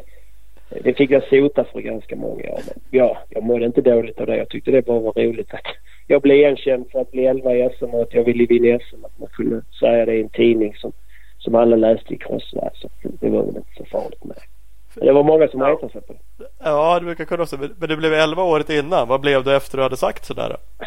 Ja, jag, det var ju då när jag var sist med dem. Jag, jag slog runt i Vimmerby på första SM i platåhoppet och slog sönder min svanskota. Så jag, jag skulle göra hela den säsongen. Du ser. Jag var i USA, kom hem och sa att jag skulle vinna SM-biljett. Och sen så slog jag runt i det. Så det var nog många som göttade sig när jag slog runt där i platåhoppet. Där fick han en jävel direkt. ja. helst alla stockholmare. Kaxiga jävla skåningar. Ja, det fick han. Skit. Ja, så är det. Du, eh, du skrev i den här eh, lappen du gjorde åt oss att du körde N-Nationals eh, på Gatorback. Ja. Det var väl också Ja. ja. Var det samma veva som du åkte Det var samma år där som jag fick chansen Ja. där att köra det. Och då, jag kvalade in som fyra tror jag. Och sen så jag valde som fyra på grinden och sen så kraschade jag i första hoppet och blev påhoppad av någon sån förare, Guy Cooper hette han det? Guy Cooper ja. Han landade rakt i min rygg där så jag trodde aldrig jag skulle alltså, resa mig upp med det. Så att jag körde bara en startkurva plus ett hopp fullfart. Sen blev jag nerbangad totalt där i ett hopp. Eh, Precis. Ja, så att jag, men jag kvalade in där i alla fall. Jag hade nog kunnat bli rätt bra där faktiskt. För det var cross. De var ju lite bättre på cross än man var på supercross. Så var det ju. Ja. Så att jag har i alla fall stått på startgrinden i ett nationals också. Men eh, inget resultat. Nej, nej, nej. Men Som sagt. Mm. Ba bara Ja. gjort det har ju någonting. Det får jag lov att säga. Jag, jag har inte gjort det. Ja. Nej, nej, nej. nej. Ja. Kommer nog inte göra heller.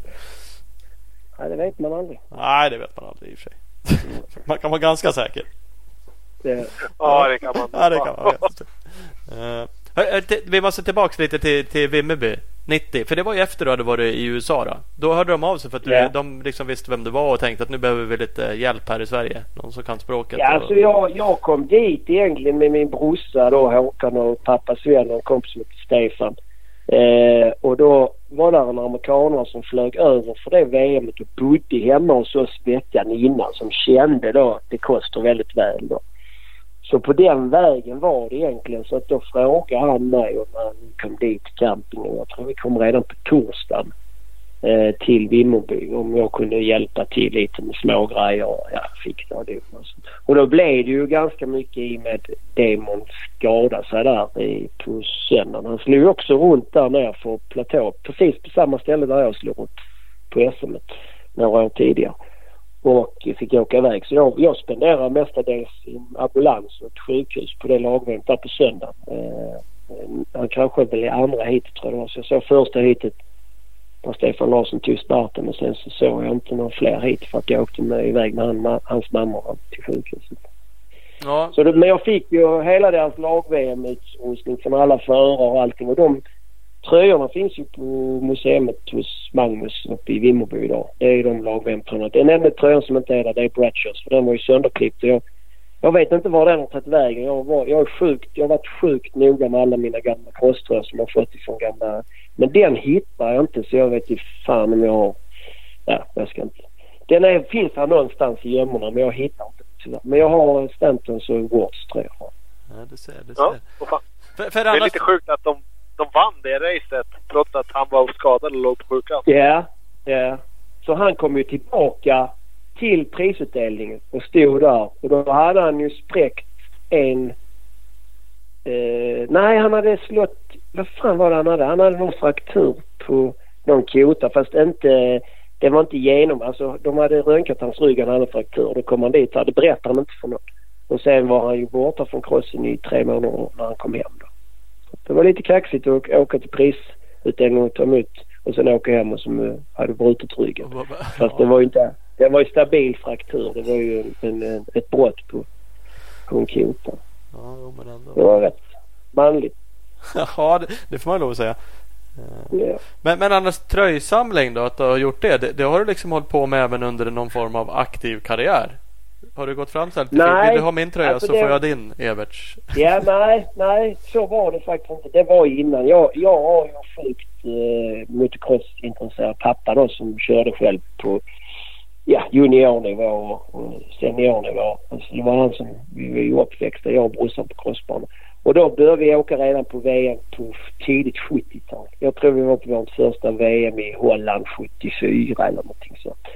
Och sen kände vi ju Leif då, pappa Bert och vi var ute med, med Leif mycket och tittade när han körde och sånt. Och då blev det liksom en sport där. Jag kommer ihåg, jag, jag kan säga fortfarande hur jag fixade tröjorna. Jag, vi, man åkte på ett, två VM per år. Man åkte till Namur och tittade. Så jag, jag tror faktiskt jag är den som har gått mest runt Namurs crossbana av alla crossförare som har kört där. För jag var ju där första gången 77 och sen körde jag där själv 1992. Och alla år där har jag varit där som åskådare. Och jag har gått den banan ja, hundratals varv. Och så jag visste exakt när jag körde där första gången var jag skulle köra, vilket spår. Och det är därför jag var så jävla snabb där också. För att jag hade ju sett hur alla körde där. Så när jag fick köra där första gången själv så visste jag exakt vilket idealskott var runt hela banan. För det var exakt samma bana. Ja. Men vilket fall som helst, göra en kort historia, eller en lång historia kort med tröjorna. Så började jag då och då åkte vi alltid på de VM och då gick jag, då började jag lära känna alla förarna i med genom Leif och Karla och alla dem. Och då sa jag alltid att de hade lovat mig vid första VM att jag skulle få deras tröjor när säsongen gick mot sitt slut. Och Namur och Luxemburg var ju alltid sista, näst sista och sista VM. Så de trodde ju på det. För de Det kom de inte ihåg. Nej. så jag fick ju fan alla tröjor. Det avslöjar, det kan jag avslöja nu. Så jag fick. And uh, I asked you in Sittendorf uh, in, in May after your shirt. If I come to Luxemburg I'm going to get your shirt, sa man då på. Och då kunde de inte säga nej. Så, ja, så, det var så jag gjorde. Ja. Ja, det gick Fast det med. var på Sittendorf. Nej, nej. Nej, men har man, har man en plan så har man. Ja, den är ju bara halvful. Du hade ju kunnat gått in och snott alla tröjor. Det hade ju varit fulare. Det där är ju liksom ändå bara en liten... Bara, vinkla lite. Ja. En vit lögn eller vad säger man? Och det roliga, där finns ju en Bogart heter han idag. Han har ju till och med mina tröjor. Jag har inte dem själv. Han har ju typ 15-20 000 tröjor. Han var på VM och samlade tröjor när jag var ute och samlade. Och sen var det en kille som hette Lundström ifrån Limhamn också och så en som hette Jörgen Lindahl. Vi var liksom fyra, fem stycken som fightades om dessa tröjorna. Så det, jag tror jag var den som jag fick mest tröjor faktiskt ändå. Men det var ju också genom, alltså jag kände ju Leif och, och Karl och dem så att de, de hjälpte mig också lite ibland när- jag inte lyckades så. Men de inte litade på mig. Nej, precis. Fick du dem ändå. Ja, ja, ja. Men det räcker. Men, men säger du? Har dem? Alltså du har, du har dem hänger uppe Nej, de är på, de flesta, de, de flesta är på museet i... Där hänger sjukt mycket tröjor som har varit mina och är mina och hos Magnus. Mm. Jag tror... Ja, där, där är många tröjor som, som hänger på museet i, i, i Karlas sista tröja, Lumaco. tror till och med står på Karlas sista tröja, den Samab-tröjan till Lillis blivande världsmästare. Det fick den när han var 88 i... 88 eller 89 i Eksjö när vi på hotellrummet där jag bodde hos han och Anneli där på natten. Då fick jag den tröjan när han skrev till mig. Så att den, den, jo där, det var, det var, men, det var, men när jag började köra själv i VM så slutade jag jaga tröjor. Jag kommer ihåg Dave Torp, kommer ihåg mig. Jag tog mina första VM-poäng 92 i Västerås. Då, stod, jag- då körde jag om Dave Torp på sista varvet och han hade jag fått typ 10 utrustningar. Så att eh, det var lite roligt. Kände han igen dig då? Ja absolut. Men- absolut. men då frågar du inte efter någon faktiskt hans tröja då också. kom han fram och där. Men Lillis, nu har du kört ifrån mig i ett VM hit. Nu ska du få min så var det Dainese tröja som hans sista år tror jag det var han körde VM där. Så han blev sjua i VM och. Och den fick jag av han då där. Så den, den har jag, är också på museet hos mig. Ja. Men det var nog sista tröjan som jag ju fick liksom så. Men jag frågar inte efter den. De andra Nej. men, men desto roligare då kanske. I och för sig. Det var ju rätt skönt att man Ja det var det. Man slog sin halvidol. Ja. Ja. Det var, ja, det var fantastiskt roligt. Det var, det var roligt. Mm. Roliga minnen. du, eh, du sa att du hade eh, att du åkte snabbt på Namur. Så det, det året som du körde Namur, det var i stort sett det enda året du inte behövde gå banan. För då, då bara hittade du hittar runt ändå. Men Ja, du, då, då var du tvåa. Då var du tvåa på kvalet efter smätt. Ja, jag var tvåa. Jag var tvåa som bäst. Det var jag 94 och sen 95 var jag trea tror jag. Första året jag körde var 92. Då var jag, tror jag var 10 eller något sånt. Och alla var vad fan, vad fan kan du... Min brorsa körde ju också där några VM och Stefan Larsson och vi var ju där. Jag var ju med brorsan där också när han körde aktivt och han körde väl första gången 86 tror jag. Eh, Så att Ja, nej jag kunde den banan och det var, det var, det, det, är det, det är det största minnet jag har liksom. Men nu man har varit där som, som med föräldrarna. Man har varit där och följt alla dessa förare och suttit där på citadellet. Man har fått alla sina tröjor. Och sen står du själv på. Det var kanske därför man inte tog starten när man var där. För man tyckte det var för, för mycket liksom. Ett, en dröm som man fattar inte riktigt när man kom dit att jag ska köra här. Jag har ju varit här liksom 20 gånger och tittat och nu ska jag köra VM här själv. Det, det blev stort. Det blev. kanske blev för stort. Nej, jag vet inte. Men det är härligt. Det är härligt att det blir så. Ja. Det har väl egentligen aldrig funnits någon bana liknande den? Nej, ingen. Nej, nej, inte av någon rang alls. Nej. Det är ju som Monac, Monacos Formel 1 egentligen. Om man ska vara helt ja. ärlig. Ja. Det är samma liksom eh, kultur och samma status.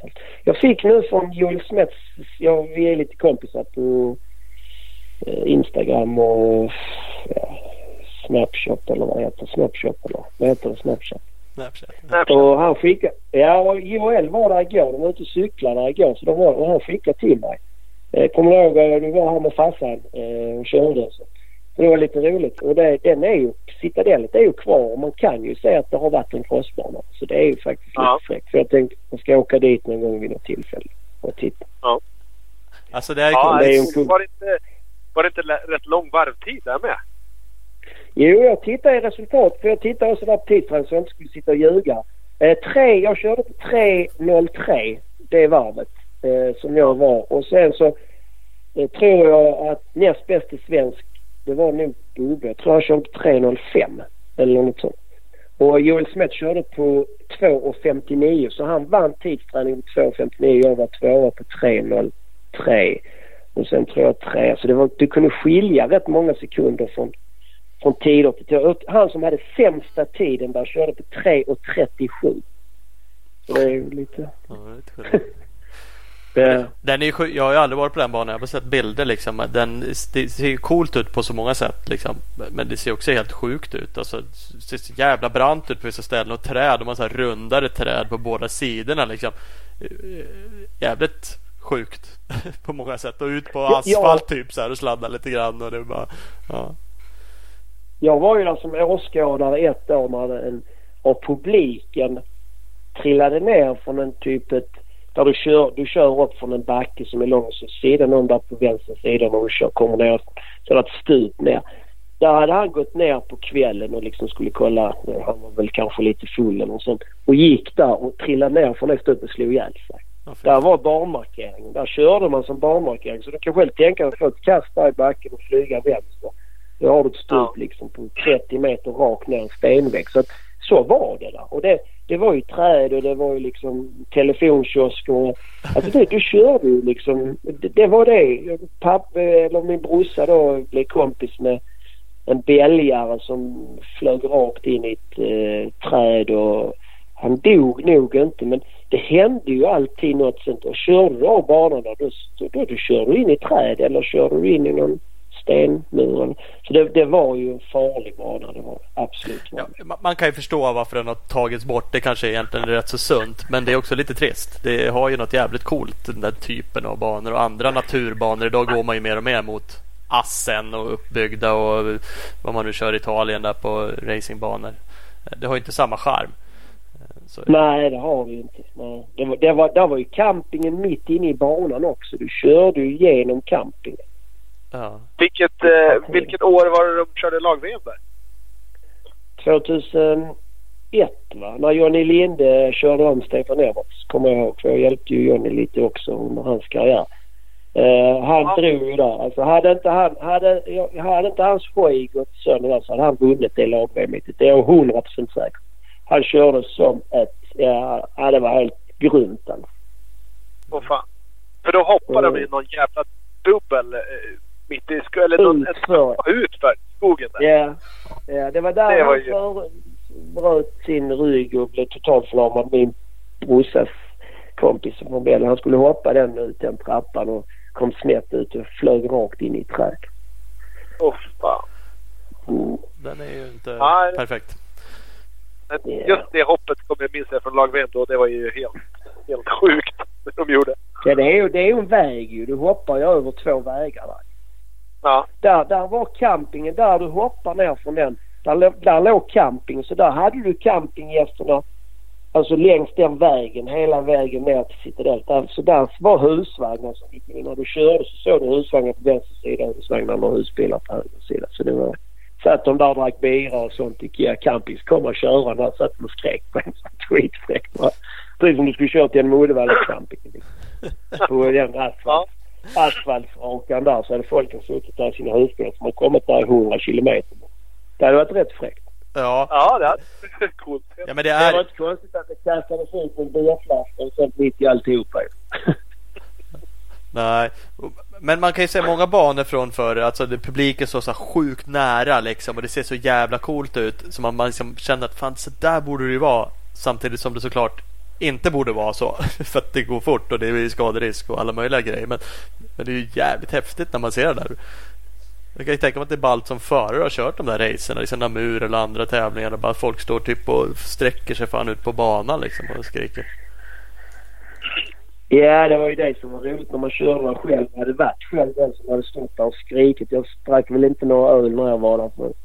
Men, men jag stod ju och skrek liksom. Och så, nu kommer man här. Men, men sen kör man ju ett, två varv. Sen kan- tänker man inte mer på det. För du måste ju vara så jäkla fokuserad på sån bana. Men, men det, är, det är häftigt. Det var, ja, det var, det, man kan snacka hur mycket som helst om den banan och minne och vad som har hänt där och allt. Alltså det är helt sjuka. Alltså, ja, det är, nej, Namur är Namur. Det, är- det som sagt, det är, det är motocrossens Monaco. Ja. Vi- fick en, en uh, lyssnarfråga. Karl Westerberg skrev på Instagram. Favoritbana under karriären? Ja det är ju alltså jag älskar ju Sand, Saxtorp. Jag måste säga Saxtorp. Det var där han slog Bubbe 94 också i, i, hit där, när han blev världsmästare. Så Saxtorp är min favorit. Absolut.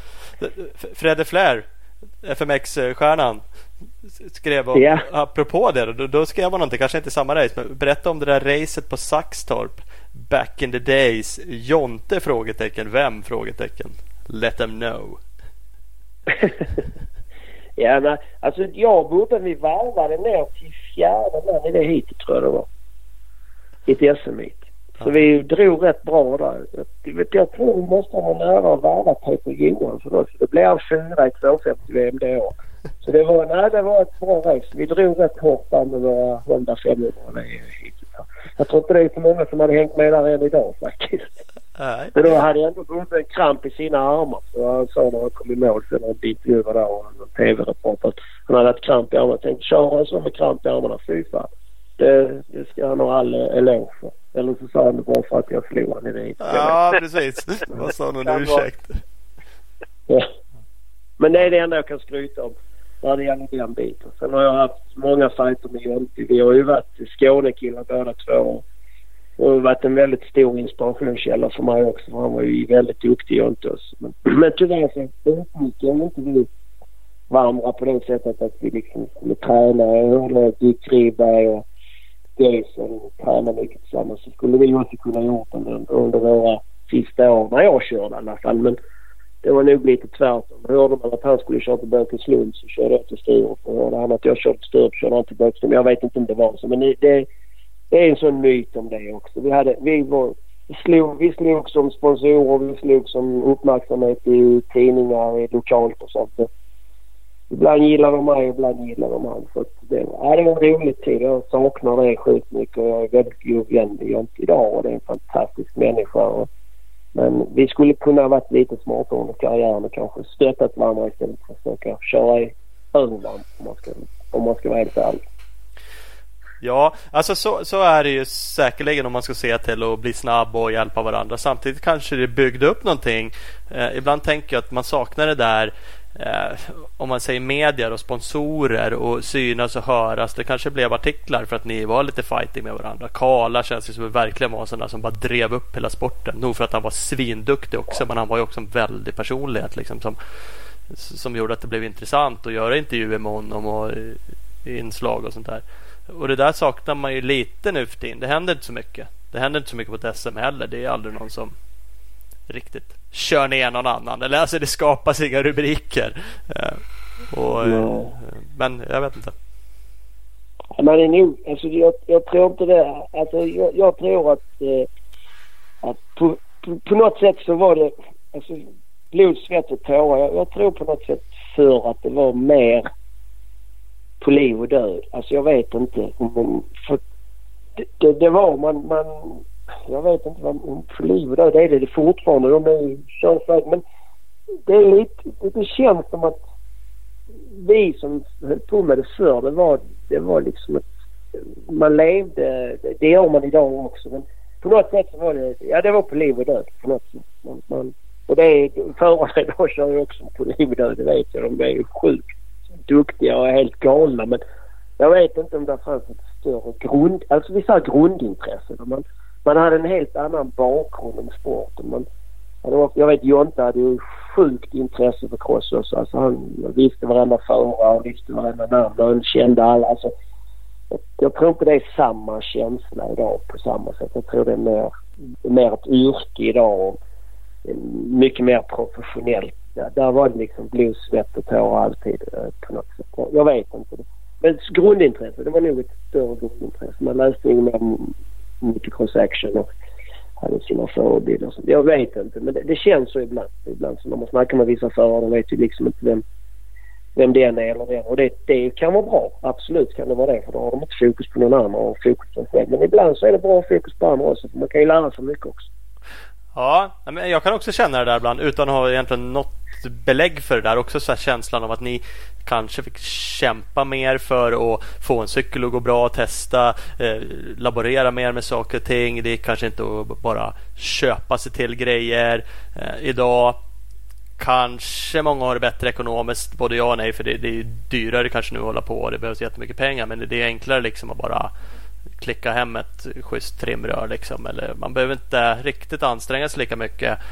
Eh, och, och det kanske som du säger blir det här intresset då. Det är lättare att glida med. Och man behöver inte jaga saker och ting på riktigt samma sätt. Eh, sen om det är för eller nackdel, men ja. Nej, men jag, jag tror det som du sa, man, man lärde sig allting från grunden. Jag kommer ihåg att jag skulle få mitt största liksom, trimavgasrör.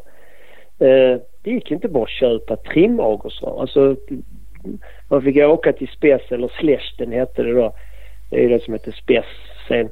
Eh, och knacka på där på en dörr på en bakgård liksom och fråga kan jag få köpa ett avgasrör? Jag ska köra VM här nu i, i Hollis i 125 VM. Kan, har ni något bra avgasrör till den maskinen? Man liksom, ja jag ska säga här, jag har något där på ett år och haft testat. Så, så trodde man på det avgasröret. Sen hade man det en säsong och så blåste man ut bubblorna och sen till slut när man hade blåst ut bubblorna så mycket det så det bara smällde bak i bussen för att det höll inte längre. Alltså det var lite så det var. Ja. Man använde det man hade och, och det fick man använda. Och det, det var rätt fräckt faktiskt att veta att man kunde ta sig fram även med, med ett avgasrör på säsong. Nu bytas det. Det är ljuddämpare hit och det är avgasrör. Och det är ju helt andra summor också. Det, så, nej, där, där fanns nog lite mer jävla anamma när det gällde de bitarna. Det tror jag. Sen ja. har utvecklingen gått så sjukt mycket längre framåt är det helt andra maskiner. Men, men är det kanske lite back to basic ibland.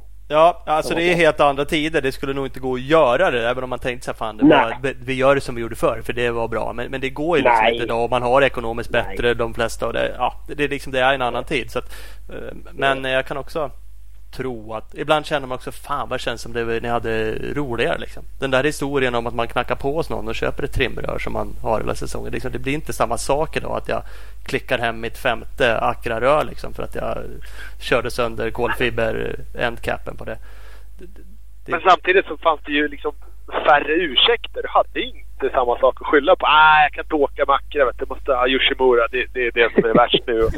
Den här jävla show-off-jävningen. Det är bara skit i kajaba man ska ha. Och så, och så hade man någonting annat att skylla på till varför man inte vann VM. Men eh, ni hade ju inte riktigt de grejerna. Nej, det var mycket standard. Det var det. Och det fick man ju modifiera då. Man hade ju hjälp ifrån Lings, en svensk ute på VM. Mulle vet ni kanske hur man är det Han kom ut ibland med sin buss och hjälpte. Man var ju överlycklig. Han bara bytte olja liksom i stötdämparen. Annars fick man göra det hemma själv. Vi gjorde ju fastsatt. Ja. Det, det, är lite skillnad i det. Men, men äh, sa inte det var bättre förr. Absolut inte. Det är mycket, mycket bättre idag. Alltid. Vi, aldrig skulle vilja leva tillbaka. Men, men det var lite, det fanns nog lite mer hjärta och lite mer eh, jävla namn. Och det, det tror jag också kommer med framgång med, med träning och allting sånt också. Jag, jag tror inte man tränar mindre idag eller något sånt. Jag är helt övertygad att de tränar ännu mer än vad vi gjorde. Men jag tror ändå att det analyseras sönder väldigt mycket eh, innan man gör. Ut och spring för fan och slit upp några par skor så vet man om att man... Många säger det, det är myt och sånt. Men jag, jag, jag springer ju väldigt mycket fortfarande och Eh, elitmotionär på, i löpning som 50-åring. Jag vet att jag springer fort om jag sliter upp många skor. Punkt slut. Så är det. Mm. Ja. Mm. Det, det, lite samma spår då, liksom förut eller nu. Eh, apropå och det du kanske har gjort lite grann. Du sa att du hjälpte Alvin lite med, med kontrakt och du har ju företag så du sponsrar. Eh, men du jagade sponsorer förut och du snackade uppenbarligen för det lite sådär. Det var inte bara en slump att du hamnade i USA. Liksom. Visst, du vann ett hit, du var duktig. Men du åkte också och showade lite sa du. Kanske gjorde det för att det var kul, men det ledde till någonting och så kanske du pratade och trevlig med den amerikanen. Och, och, jag vet inte hur det var med att jaga sponsorer, men du har ju på senare år jobbat lite grann med det där. Eller kanske ganska mycket. Mm. Var det annorlunda? Var man bättre, sämre? Liksom, finns det något tips? Hur gjorde du? Vad gör de fel idag? Eller är det bara andra tider återigen? Eller? Jag, jag, jag tror det handlar mycket om idag som förare att man vågar bjussa på sig själv. Att visa det lilla extra. Alltså, det är del X. Det är liksom... Eh, det är bara det som krävs. Alltså, idag i samhället så är det liksom att man... Allting tar man lite för givet men eh, utmärker man sig med någonting eller gör något annorlunda så, så det är mycket roligare också att hjälpa till. Jag ser det, jag jobbar ju för handbollslandslaget och de med deras sponsorer och och där måste vi hela tiden hitta någonting som gör att den som är med och sponsrar eller det företaget som är med. Nu är detta ju ett nationellt landslag. Det är det tredje största i landet. Det är ett helt annat marknadsvärde. De är på TV. Allting. Det är inte det. Det är inte som crossen. Men jag tror att hitta någon crossåkare liksom det lilla extra att de, de förstår liksom sitt värde av att bara göra lite, lite. Att skicka ett sms eller göra en rapport eller göra något fräckt på Youtube eller någonting som, som uppskattas så, så tror jag man kan komma ganska långt med att hitta pengar idag. För det finns ju pengar överallt. Annars hade ju inte världen snurrat. Och de som är duktiga på att dra ihop sponsorer retar ju sig oftast mycket folk på. Ja, det är jävla bra snackare för mycket sponsorer. Ja, men det finns en, en bakgrund till varför han får sponsorer. Det finns en bakgrund till varför folk vill lägga lite pengar. Sen behöver inte han vara vinnare eller vinna eller vara bäst utan det handlar ju om att du får ett hjärta för någon eller du tycker att något speciellt. Som jag gör med Alvin till exempel. Jag, han är inte världens bästa. Jag kunde sponsrat eh, Vial eller eh, eh, Prada till exempel. De frågar mig och jag känner smätt så de nej, jag sponsrar Alvin Östlund för att jag tycker det är en superbra kille. Han skickar lite sms, han, jag får lite insiderrapporter och jag får skapa ett, han skapar ett intresse för mig. Så kunde man gjort det ännu, ännu mer professionellt. Men jag känner det att pengar finns där och det handlar om att fightas om det som där finns. Och det finns ju faktiskt ganska många i crossbranschen som har pengar idag och skapat kapital också. Och det tycker jag folk kan vara lite lyhörda och, och, och förstå att okej okay, den killen han har lite företag och sånt. Vad ska jag göra då med han för att han ska bli intresserad och sponsra mig? Men de har inte den uh, insikten och de har inte den drivkraften. Tyvärr.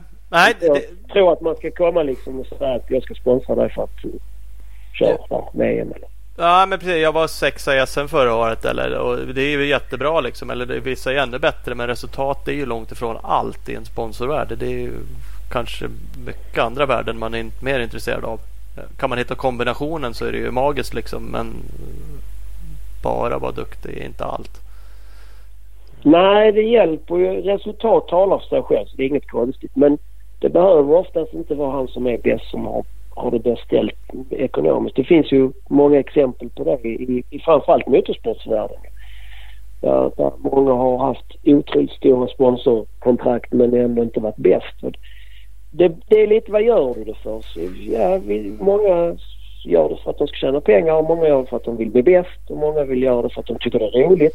Alltså, alla kanske inte vill bli världsmästare. Alla kanske inte vill bli någon. De kanske vill göra något fräckt. Jag, jag gillar ju han Jonathan Bengtsson. Jag tycker det är sjukt roligt att se en kille. Jag såg honom nu på italienska mästerskapen.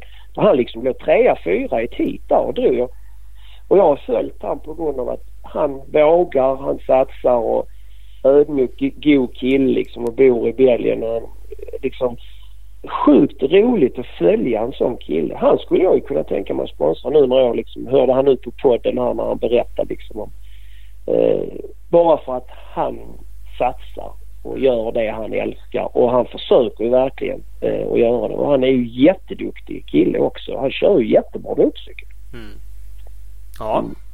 Nej, verkligen. Mm. Men, men det är ju kul att höra det här och det är precis som du säger. Ja, pengar finns ju för det är lätt att bara sitta och säga att det inte går och det finns inte och det inte. Men, men har man försökt liksom. Sen är inte det lätt. Det är ju kanske samma sak som att lära sig träna eller bli duktig på starter. Ingenting kommer ju bara av sig själv. Liksom. Man lär ju anstränga sig och bli lite affärsman eller tala för sig. Eller för den delen showa lite som du kanske gjorde. Jag kan ju tycka de är lite dåliga på det där också. Fan. Ja, vi har tjatat om det här förr. Får du köra Uddevalla-VM liksom? Fan jag älskar ju bara Tom Söderström som ställer sig mitt på platån och tokvarvar sin hoj liksom och får hela berget mm. skrika. Det där är ju magi för mig. Alltså hade jag pengar skulle jag också bara vilja kasta det över bara den händelsen. typ. Eh, liksom, mm. Men det, det, är inte så många som gör. Och sen är det klart, ja men de är där för att tävla och kanske mitt uppe i allting. Men det, det gäller att hitta kombinationen tror jag. Liksom. Smäll en pancake där över så fan någon jävel sitter i publiken där och tycker att du är asgrym och har lite för mycket pengar. Men, men det var ju som jag gjorde med, jag kom in i speedwayvärlden också genom Andreas Jonsson när jag var chef på Vianor då. Eh, och då la jag ju väldigt mycket pengar på han under en ganska lång period, en fyra, fem år. Och det var stora summor. Och, och eh, han hade ju kringarrangemanget om allt. Alltså han hade ett VIP-tält till eh, alla VM som gick där man kunde ta sig med mellan 100 till 200 pers ja. på fredagskvällen och lördagskvällen. Så de byggde upp liksom en, en show runt med startmaskiner, det var god mat, det var trubadurer. Alltså du vet detta basic. Vem gör det i Uddevalla idag? Vem drar in? Vet, vad, han tog 5000 per kuvert för den festen. Och hur roligt var det right. var på den festen då? 5000 tog han per kuvert och jag bjöd med ungefär 25 kunder på varje tävling. Gånger 5000 det blir rätt mycket pengar. Och, och ska du bo liksom i, i Stockholm eller konferens eller med säljare och allting. Alltså, är det någon som ens har funderat på det i Uddevalla att göra ett sånt öltält liksom med sina sponsorer och det kostar 5000 att vara med där. Men det är en bra fest och det är skitroligt och det behöver inte vara någon fyllefest eller något sånt utan ett, ett kringarrangemang. Vem har gjort det i cross-VM? Ja, nej. Nej, inte någon. Nej. Inte någon. Nej, för då är det liksom, nej, fan, det, nej det är inte seriöst. Det handlar inte om det är seriöst. Det handlar om att man har roligt. Mm. Albin har ju en sjukt rolig fest för alla sina sponsorer uppe på Kungsholmen. Där vi blir inbjudna och får träffa och vi har fem kamper och sånt. Alltså han har fattat vad det handlar om och det, det, det är faktiskt lite därför jag hjälper Alvin för att det är ett sånt arrangemang med hans sponsorer. Man träffar liksom väldigt mysiga människor som har ett grundintresse för cross också. För att det skulle varit ännu roligare om det varit ute på en VM-deltävling. Framförallt kanske Uddevalla då. Mm. Ja, och det är ett sånt där ställe där, där du som sponsor är med och du träffar andra sponsorer, du får knyta nya kontakter. Om ja, du säljer, du sitter på 3000 dammsugare som du inte vet hur du ska göra så träffar du någon annan mm. kille som mm. behöver exakt det. Så du blir av med mm. dem där. Ja, men då är det ju värt mm. att sponsra Alvin med det dubbla till nästa år. Bara för att han har hjälpt dig att tjäna pengar. Han har hjälpt dig att tjäna pengar istället för att vara en kostnad på pengar. Ja, lite, det är lite det jag tror man ska tänka på som förare och sånt idag. Att, att all ära att sätta en dekal på en hoj eller något. Det, det är inte det man gör det för. Man gör det för upplevelsen. Mycket, mycket att man investerar pengar. Jag är ju med i Malmö FFs nätverk till exempel. Jag gör det för ren business. För jag vet att är jag med där så kanske jag får 500 bilar till mina verkstäder som byter däck. Det är därför jag pröjsar de pengarna. Men crossen med det hjärtat som man har, det gör jag ju för att jag får en upplevelse. Jag kommer lite bakom kulisserna och känner att jag känner liksom pulsen och jag känner att nästan ibland som man står lite på startgrinden när man, när man ser Alvin stå där för att man har ett hjärta för han. Mm. Det är ju därför jag är med där. Ja. Annars hade jag ju inte... Så att det finns ju två aspekter. Jag tror många av de crossåkarna de kan aldrig bygga ett nätverk som Malmö FF. Glöm det. Men de kan bygga en, en upplevelse under kanske en eller två eller tre helger per år där de kan ta de summorna från företag. För liksom en faktura på 5 000 spänn eller 10 000 spänn det är inga pengar idag. Det är lite kaffepengar till kaffemaskinen liksom. Eh, och får man då många som är med där så, så kan det bli en del. Sen säger jag inte att det är facit. Absolut inte. Jag säger inte det är lätt heller. För det är inte lätt att få ihop det. Men jag vet att Anton Gole försökte här med någon insamling jättebra på Facebook och sånt. Och det är ett suveränt bra initiativ men det räcker inte. Det måste hända någonting också rent i praktiken med de ja. pengarna. Liksom. Att du får någonting och du känner dig lite vippad. Och grabbarna i Uddevalla är ju öppna för alla sådana förslag kan jag säga där, om det är någon som kommer med något sånt. Nu kanske de kommer ringa ner Micke och, och, och Magnus det ber jag om ursäkt för. Men, men alltså något sånt litet extra så, så är det Jag sålde ju t-shirtar ett år till Alvin uppe i Uddevalla. Jag sålde t-shirtar för många tusenlappar kanske. Mina barn gick runt och sålde t-shirtar med hans... Eh, det, det, han fick ihop till hela sin USA-resa genom de t-shirtarna. Ja. Så det går att ja. göra grejer. Man behöver inte skämmas för det. Nej. Nej. det är så. Men det är precis som du säger. Det är ju såklart inte lätt. För då skulle alla göra det. Var det lätt att bli världsmästare om man visste hur man skulle göra det. Då skulle alla göra likadant. Så, det, så är Nej. det ju inte. Men det, jag känner också ibland att ah, försöker någon ens? Om du inte försöker då kommer du aldrig liksom lyckas med, med sponsorer eller, eller bli bäst. Försöker du inte träna liksom, så kommer du inte dit heller. Så det, ja, vi får väl hoppas att någon hugger tag i det här nu då och ringer dig? Absolut. Jag har ett stort jäkla fett tält med 200 gäster i Uddevalla. Om det nu blir Uddevalla. Vi får hoppas på det. Vi får verkligen hoppas på det. Mm. Ja, fan. Ja, det är ju verkligen. Det gör vi ju såklart. Men uh, ja, det vet vi inte. Det lär väl tas beslut snart om det gissar jag. Men det är väl ingen som vet än så länge. Det är väl bara chansningar och förhoppningar. Och nu är jag ju lite nördig så. Ni, ni får berätta, eh, ni får vars 30 sekunder på berätta lite om er. För jag är lite intresserad av er också. Ni har bara lyssnat på mig. Jag måste höra lite er bakom vad ni kör. Kör ni motionscross eller? Berätta nu snabbt. Ska vara snabbt? Ja, jag kan börja. Uh, hojmässigt, 80 kubiks uh, kille var väl okej, okay, distriktskille. Uh, Slutade när jag var 16, höll upp i 10 år. Såg fan inte en motorcykel och, och börja igen när jag var så från 16 till 26. Sen fick jag några ryck där och skulle ta elitlicens och då körde jag Sverigecup. Och vann det till slut och fick elitlicens och då var jag 30 bast. Så då var man ju lite gammal. Mm. Och kraschade också nacke, rygg eh, det året jag skulle köra SM. Så att, eh, det gick också för fort. Så att det, det vart ingenting av det. Sådär. Men sen startade ju MX Star 2006 med som en hemsida från början. Egentligen apropå sponsring och sånt där så har jag haft förvånansvärt bra hjälp utan att egentligen vara speciellt duktig. Alltså inte toppduktig. Men också sådär haft en hemsida, starta Instagramkonton tidigt, eh, synts, lärde känna Jonas Hagren, började göra lite tester i race, eh, fått lite hjälp genom det. Startade podden, ja men då har vi lite partners eh, och kan fortsätta liksom ja, men snacka för sig sådär. Mm. Ja. Otroligt. Gött ju. Ja, det hade jag ingen aning om. Det var därför jag ville... Ja, ja du ser. Och jag eh, har egentligen eh, aldrig haft någon aktiv karriär. Jag började egentligen inte åka förrän jag var 16 på motionsnivå direkt bara. Eh, sen har jag, jag meckat åt Johan Karlsson, Kristoffer Berg, Mange Lindfors, eh, Mackan Dolén, Filip Turesson. Så att jag har egentligen meckat åt fort, äh, mera fortåkare än vad jag har kört själv. Uh, ja, de och sen, varit alla duktiga som fan. Ja, fan. Absolut. Nej, och mm. sen så... Uh, jag har åkt uh, motionsenduro mest, mestadels. Men alltid mm. varit mm. jävligt nörd, nördintresserad. Så att uh, det är väl det som har gjort det. Och sen så startade Thomas och jag det här. Och ja, så det kör vi på. Sen uh, nio år så är jag ju teamchef för Husqvarna Scandinavia Enduro-teamet. Jaha, oj, ja, vad roligt. Där är ju min ja. eh, fotograf eh, Jenny som var mina barns privatlärare på skidor. Så ja, skitroligt. Hon, hon är fotar för Husqvarna och sånt tror jag. Mm, exakt. Ja, en fantastisk god tjej. Hon ställde en fråga och undrade när, när barnen skulle egentligen börja köra MX Girls. Vad hände där liksom? Ställde hon en fråga? Ja, hon skrev, hon skrev hon, in också. Hon skrev till oss och frågade när, Jaha, när du låter dina ja, döttrar ja. åka cross. Jaha. Ja, de får aldrig köra cross. De får spela golf. De får spela golf. Det är bara golf i denna familj. Det är inte, det är inte farligt. Nej, cross är inte farligt heller. Jag ska inte sitta här och skrämma upp att cross är farligt. Nej, de får inte köra cross. De har fått moppar nu. De kör moppar nu. Ja, ja, det kan ju vara. går i 39 kilometer. De vill att den ska gå i 50 så jag får väl ta ut någon plugg i dem. That's it. That's it, där har vi det.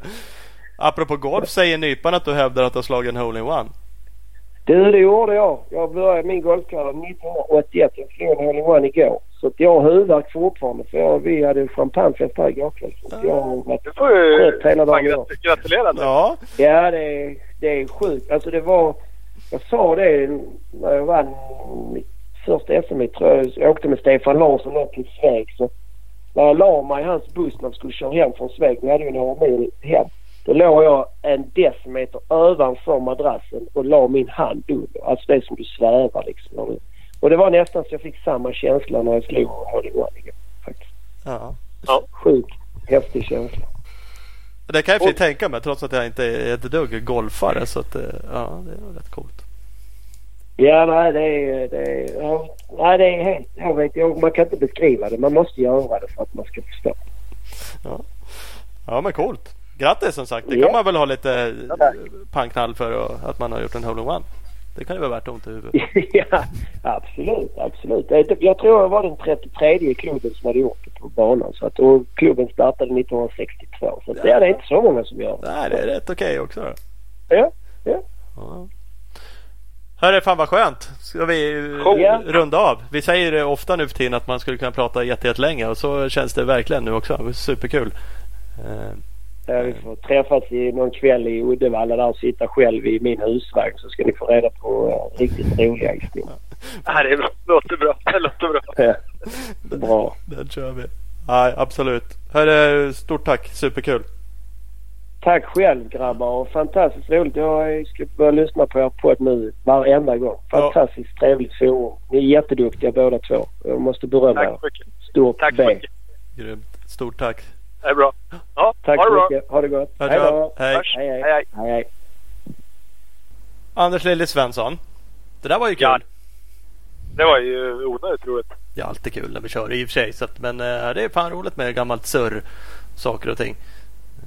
Mm, och så brakar det iväg över nästan två timmar också.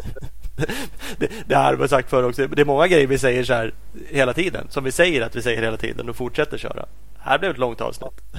det här skulle vi kunna prata länge ja, men de, de, de, de, alltså en och en halv timme det är ju snittet. Det är ju sällan under, sällan under en och en halv timme längre. Jag börjar krypa upp mot två de senaste gångarna. Nämen! Mm. Har ni lyssnat ända hit? Då har ni lyssnat på det här också så länge. Så då, då får ni håll, håll till godo bara. Ja, exakt.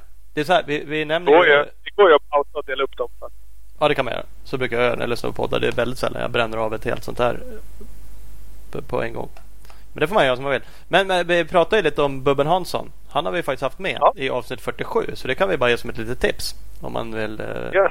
snacka om eh, VM-guld 1994 och, och annat skoj. Så, så kör man avsnitt Ja. 47 med Marcus Bubben Hansson. Våran, eh, våran test, eh, testförarkompis Jörgen Gesson Gustafsson har vi pratat vi också om. Och han har vi haft med. Och Fredde Werner pratade om. Han har, har vi haft med. Så att det, ja, det finns mycket, mycket gamla eh, legender i, i eh, bland de eh, programmen vi har gjort. Så att det finns mycket att gå tillbaka och lyssna på om man har gått bort. Ja men så är det. Jörgen Gustafsson avsnitt eh, 124.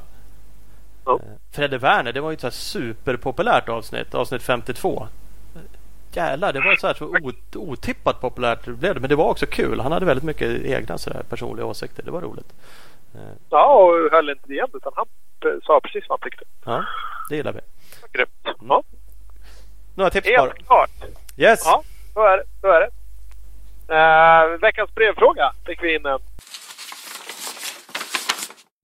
Jävligt sent. Ja, vad har vi? Eh, jag skrev egentligen ut under programmet eh, om någon hade någon veckans brevfråga. Ja, men det har vi. Presenteras av Speed Equipment. Honda KTM Suzuka handlar i Vänersborg. Boom! Precis. www.speedequipment.se bara. Smack. Där ska man gå in och kolla. Det fin- finns alltid massa sköna såna här, eh, tappar jag namnet på det, rea eller nice price grejer. Och, Shootout-prylar där. kan man eh, pynta. Mm. Ja, faktiskt. Det är eh, Skilled Fanatics, våran, eh, våran speaker Uddevalla GP-kompis som ställde den här frågan. mm. Så då är det, Vem- passade egentligen bäst i Flashgear Baggy Pants? Peter Grönros i blåa eller Fredrik Prippa Hedman i röda?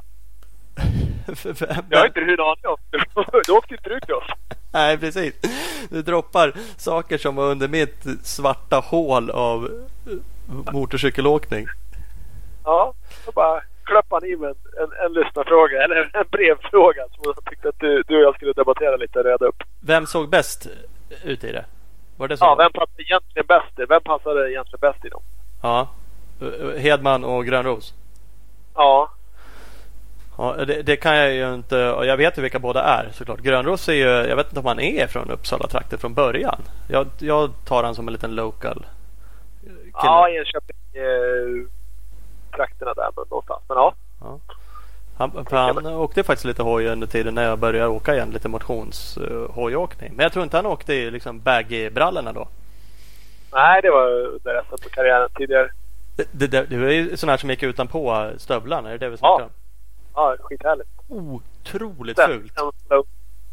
Det är liksom magiskt fult. De här var ju blå och röd sammet. Det här är inte bara vanliga. Det, är liksom... det är inte sådana här endurogubbarna på sig i busken nu för att inte få vatten i stövlarna. Utan det här var ju röd, blå sammet liksom. Ja, alltså, typ specialsydda som man har gjort själv eller?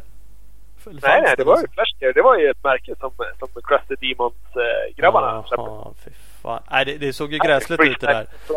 Eh, men eh, trots att det gjorde det så, så, har det ju någon charm. Det är liksom inte så att man vill att de inte skulle ha funnits. Det, det, är ju på något sätt härligt. Man kan nästan sakna det nu. Det är ju ingen som åker i det där. Det är inte ens någon local grusgropsgunner som kommer med sådana där. Nej, nej. Och det är lite synd. Ja. Absolut. Ja, jag vet. Jag, får ju, jag säger grönros då eftersom det är den som jag kan knyta an lite mer till. Även om det är väldigt lite. Ja, alltså för, för, ja, för mig så förknippar jag Fredrik med mera med ett par eh, Alpine Stars brallor som var sydda som att de såg ut som shorts. den, den, fram till knäskålen så var de vidare och bredare. Sen så liksom gick det in tillbaks där. Pastrana hade såna här No Fear-brallor också. Uh. Och sen så var det tajtare över knäskyddet och ner in under eh, in i stövlarna. Men det var som en hel byxa liksom? Det var bara ja, det var en hel bralla. Det var bara att de såg ut som att det var shorts. Mm. Fan, jag missade allt det där. Jag är glad jag är på något ja, sätt. Ja, jävla tråkigt att du bommade. Och, och det är liksom helt hans utstyrsel för mig. Men han, han åkte mera i de där baggy-grejerna typ när han åkte VM och sådär tror jag. Men eh, nej, det, det, det är helt för mig. Så jag måste också nog säga att Grönros, Grönros i de där blåa, det var, ja, det var bitarna. Ja. Men, men vet du, jag är nästan säker på att det går att hitta bilder på dig när du åker runt sådana där. Uh, inte några sådana sammetsprylar. Kanske några svarta bilder är nog för, förresten Ja men i alla fall brallor som går över stövlarna liksom. Ja, ja, ja, ja. Men, uh, kom igen. Hade du åkt hoj på den tiden? Det jo, oh, 100 procent hade du åkt fram. Jo, jo. För fan, det där hade du när du körde Fidder. Det hänger ihop med det där töntiga liksom. Jag hade ju varit så jävla stenhård crosskille. Så jävla stenhård. Ja, jo. Framförallt. Det är därför jag gillat hela det här avsnittet så har du suttit och dragit liknelser mellan Lillis VM hit och dina motionscross hit så fort du har fått chansen. Ja. Fan, det finns... När jag åkte 80 kubik, det finns bilder. Jag var ingen stilfantom varken då eller nu. Det är så här. Ja. Annars var, annars var hela UNCK typ från, från 70 till 90 stilfantomer allihopa tycker jag. Ja, ja, jag vet inte. Jag åkte nog i det jag liksom hade. Jag åkte rätt mycket på gröna Fox-handskar, alltså på vinterhandskar. Jag vet inte om det var neopren, men det var i alla fall på vinterhandskar. De körde jag jämt året runt i. Uh, och så matchade jag med några Jet Racing-kläder då. Det var ju antagligen också någon lokalt Uppsala-grej. Uh, ja, det var det Det var ju Heikki, Heikkis uh, firma i Uppsala. Ja, precis. Så det hade man ju. Alltså ingenting matchade. Så det är verkligen som Nej. du skulle spy på idag. Jag också för den delen. Fox-handskar, Jet Racing. Vad hade jag för hjälm? Det var nog lite olika. AGV hade jag tagit. Till och med... Och så lila, gul, blå UMCK-jacka på. Ja, precis. Det var väl också ja. övrigt Jet Racing som tog fram. Ja, nej men så att... Ja, ja. Så att du känner att du har stilen under kontroll. Mm. Så du kan Men inga, ba inga baggy-brallor? Inga baggy-brallor på det. Nej, jag är med. Jag är med. Ja, nej, men så, Så är det. Du, du missar ju the golden age liksom. Ja, fan jag har gjort det. Jag borde kanske uppleva den igen. Jag borde ta något, så här, någon säsong liksom där jag bara kör lite golden age Va? för mig själv. Ja. Ja, re- Retro, glitter på allt och... Ja, nej, men vi får forska, forska lite i det där. Mm. mm. Ja, ja. Tack. Tack eh. Fredde Flärd då och Speed Equipment. Ja, Vad sa Så du? var det. Du var inne på något? Det sista? nej. Nej. Nej, det var bara yrar som vanligt. Bara yrar. Ja, fan vad skönt. Hörru, ska Ja. vi tacka lite sponsorer? Ja, det tycker jag verkligen. Mm, det var Speedstore med oss. eh, Bästa butiken i Valbo utanför Gävle. Speedstore.nu. Och så följer ni dem på sociala medier på Speedstore. Yes. CC Motorcycles, två butiker. Säljer Yamaha, Honda, Suzuka, Kawakota och Husqvarna. Det är nästan alla märken som finns. CC Motorcycles följer med dem på sociala medier. Och Big Balls MX, den fantastiska butiken i Växjö. Honda-handlare utöver Suzuki. Så att eh, glid in i butiken, slå till, köp eh, bigballsmx.com och Big Balls MX på eh, sociala medier. Yes. Och Skottsport Sverige som representerar varumärken som Scott, Siri, Acerbis, Motorex, Nolan och många fler. De följer man på Skottsport Sverige på Facebook eller www.scott-sports.com. Mhm. Opus Bilprovning, de har ju jättemånga stationer säger vi. Sjukt många. Ja? Från jättelångt norrut till jättelångt söderut. Nej men det finns ju. Ni går in på opusbilprovning.se helt enkelt så hittar ni dem. Så enkelt. Husqvarna som har de absolut bästa motocross-endurohojarna på marknaden. De följer man på Husqvarna Motorcycles Scandinavia. Bioclean Bikewatch, det absolut bästa tvättmedlet till din cross enduro hoj ska ni köpa hos er lokala handlare. Om de inte har det där, då kan ni kolla på bikewash.se vart det finns en handlare. Eller för den delen säga åt dem att ring. Ring Dennis så styr han upp det. Goddammit. Ja, faktiskt. Snyggt. faktiskt. Support your local eh, dealer. Precis, enkelt. Uh, Ja. Tack och hej då. Ja, hej då, hej då.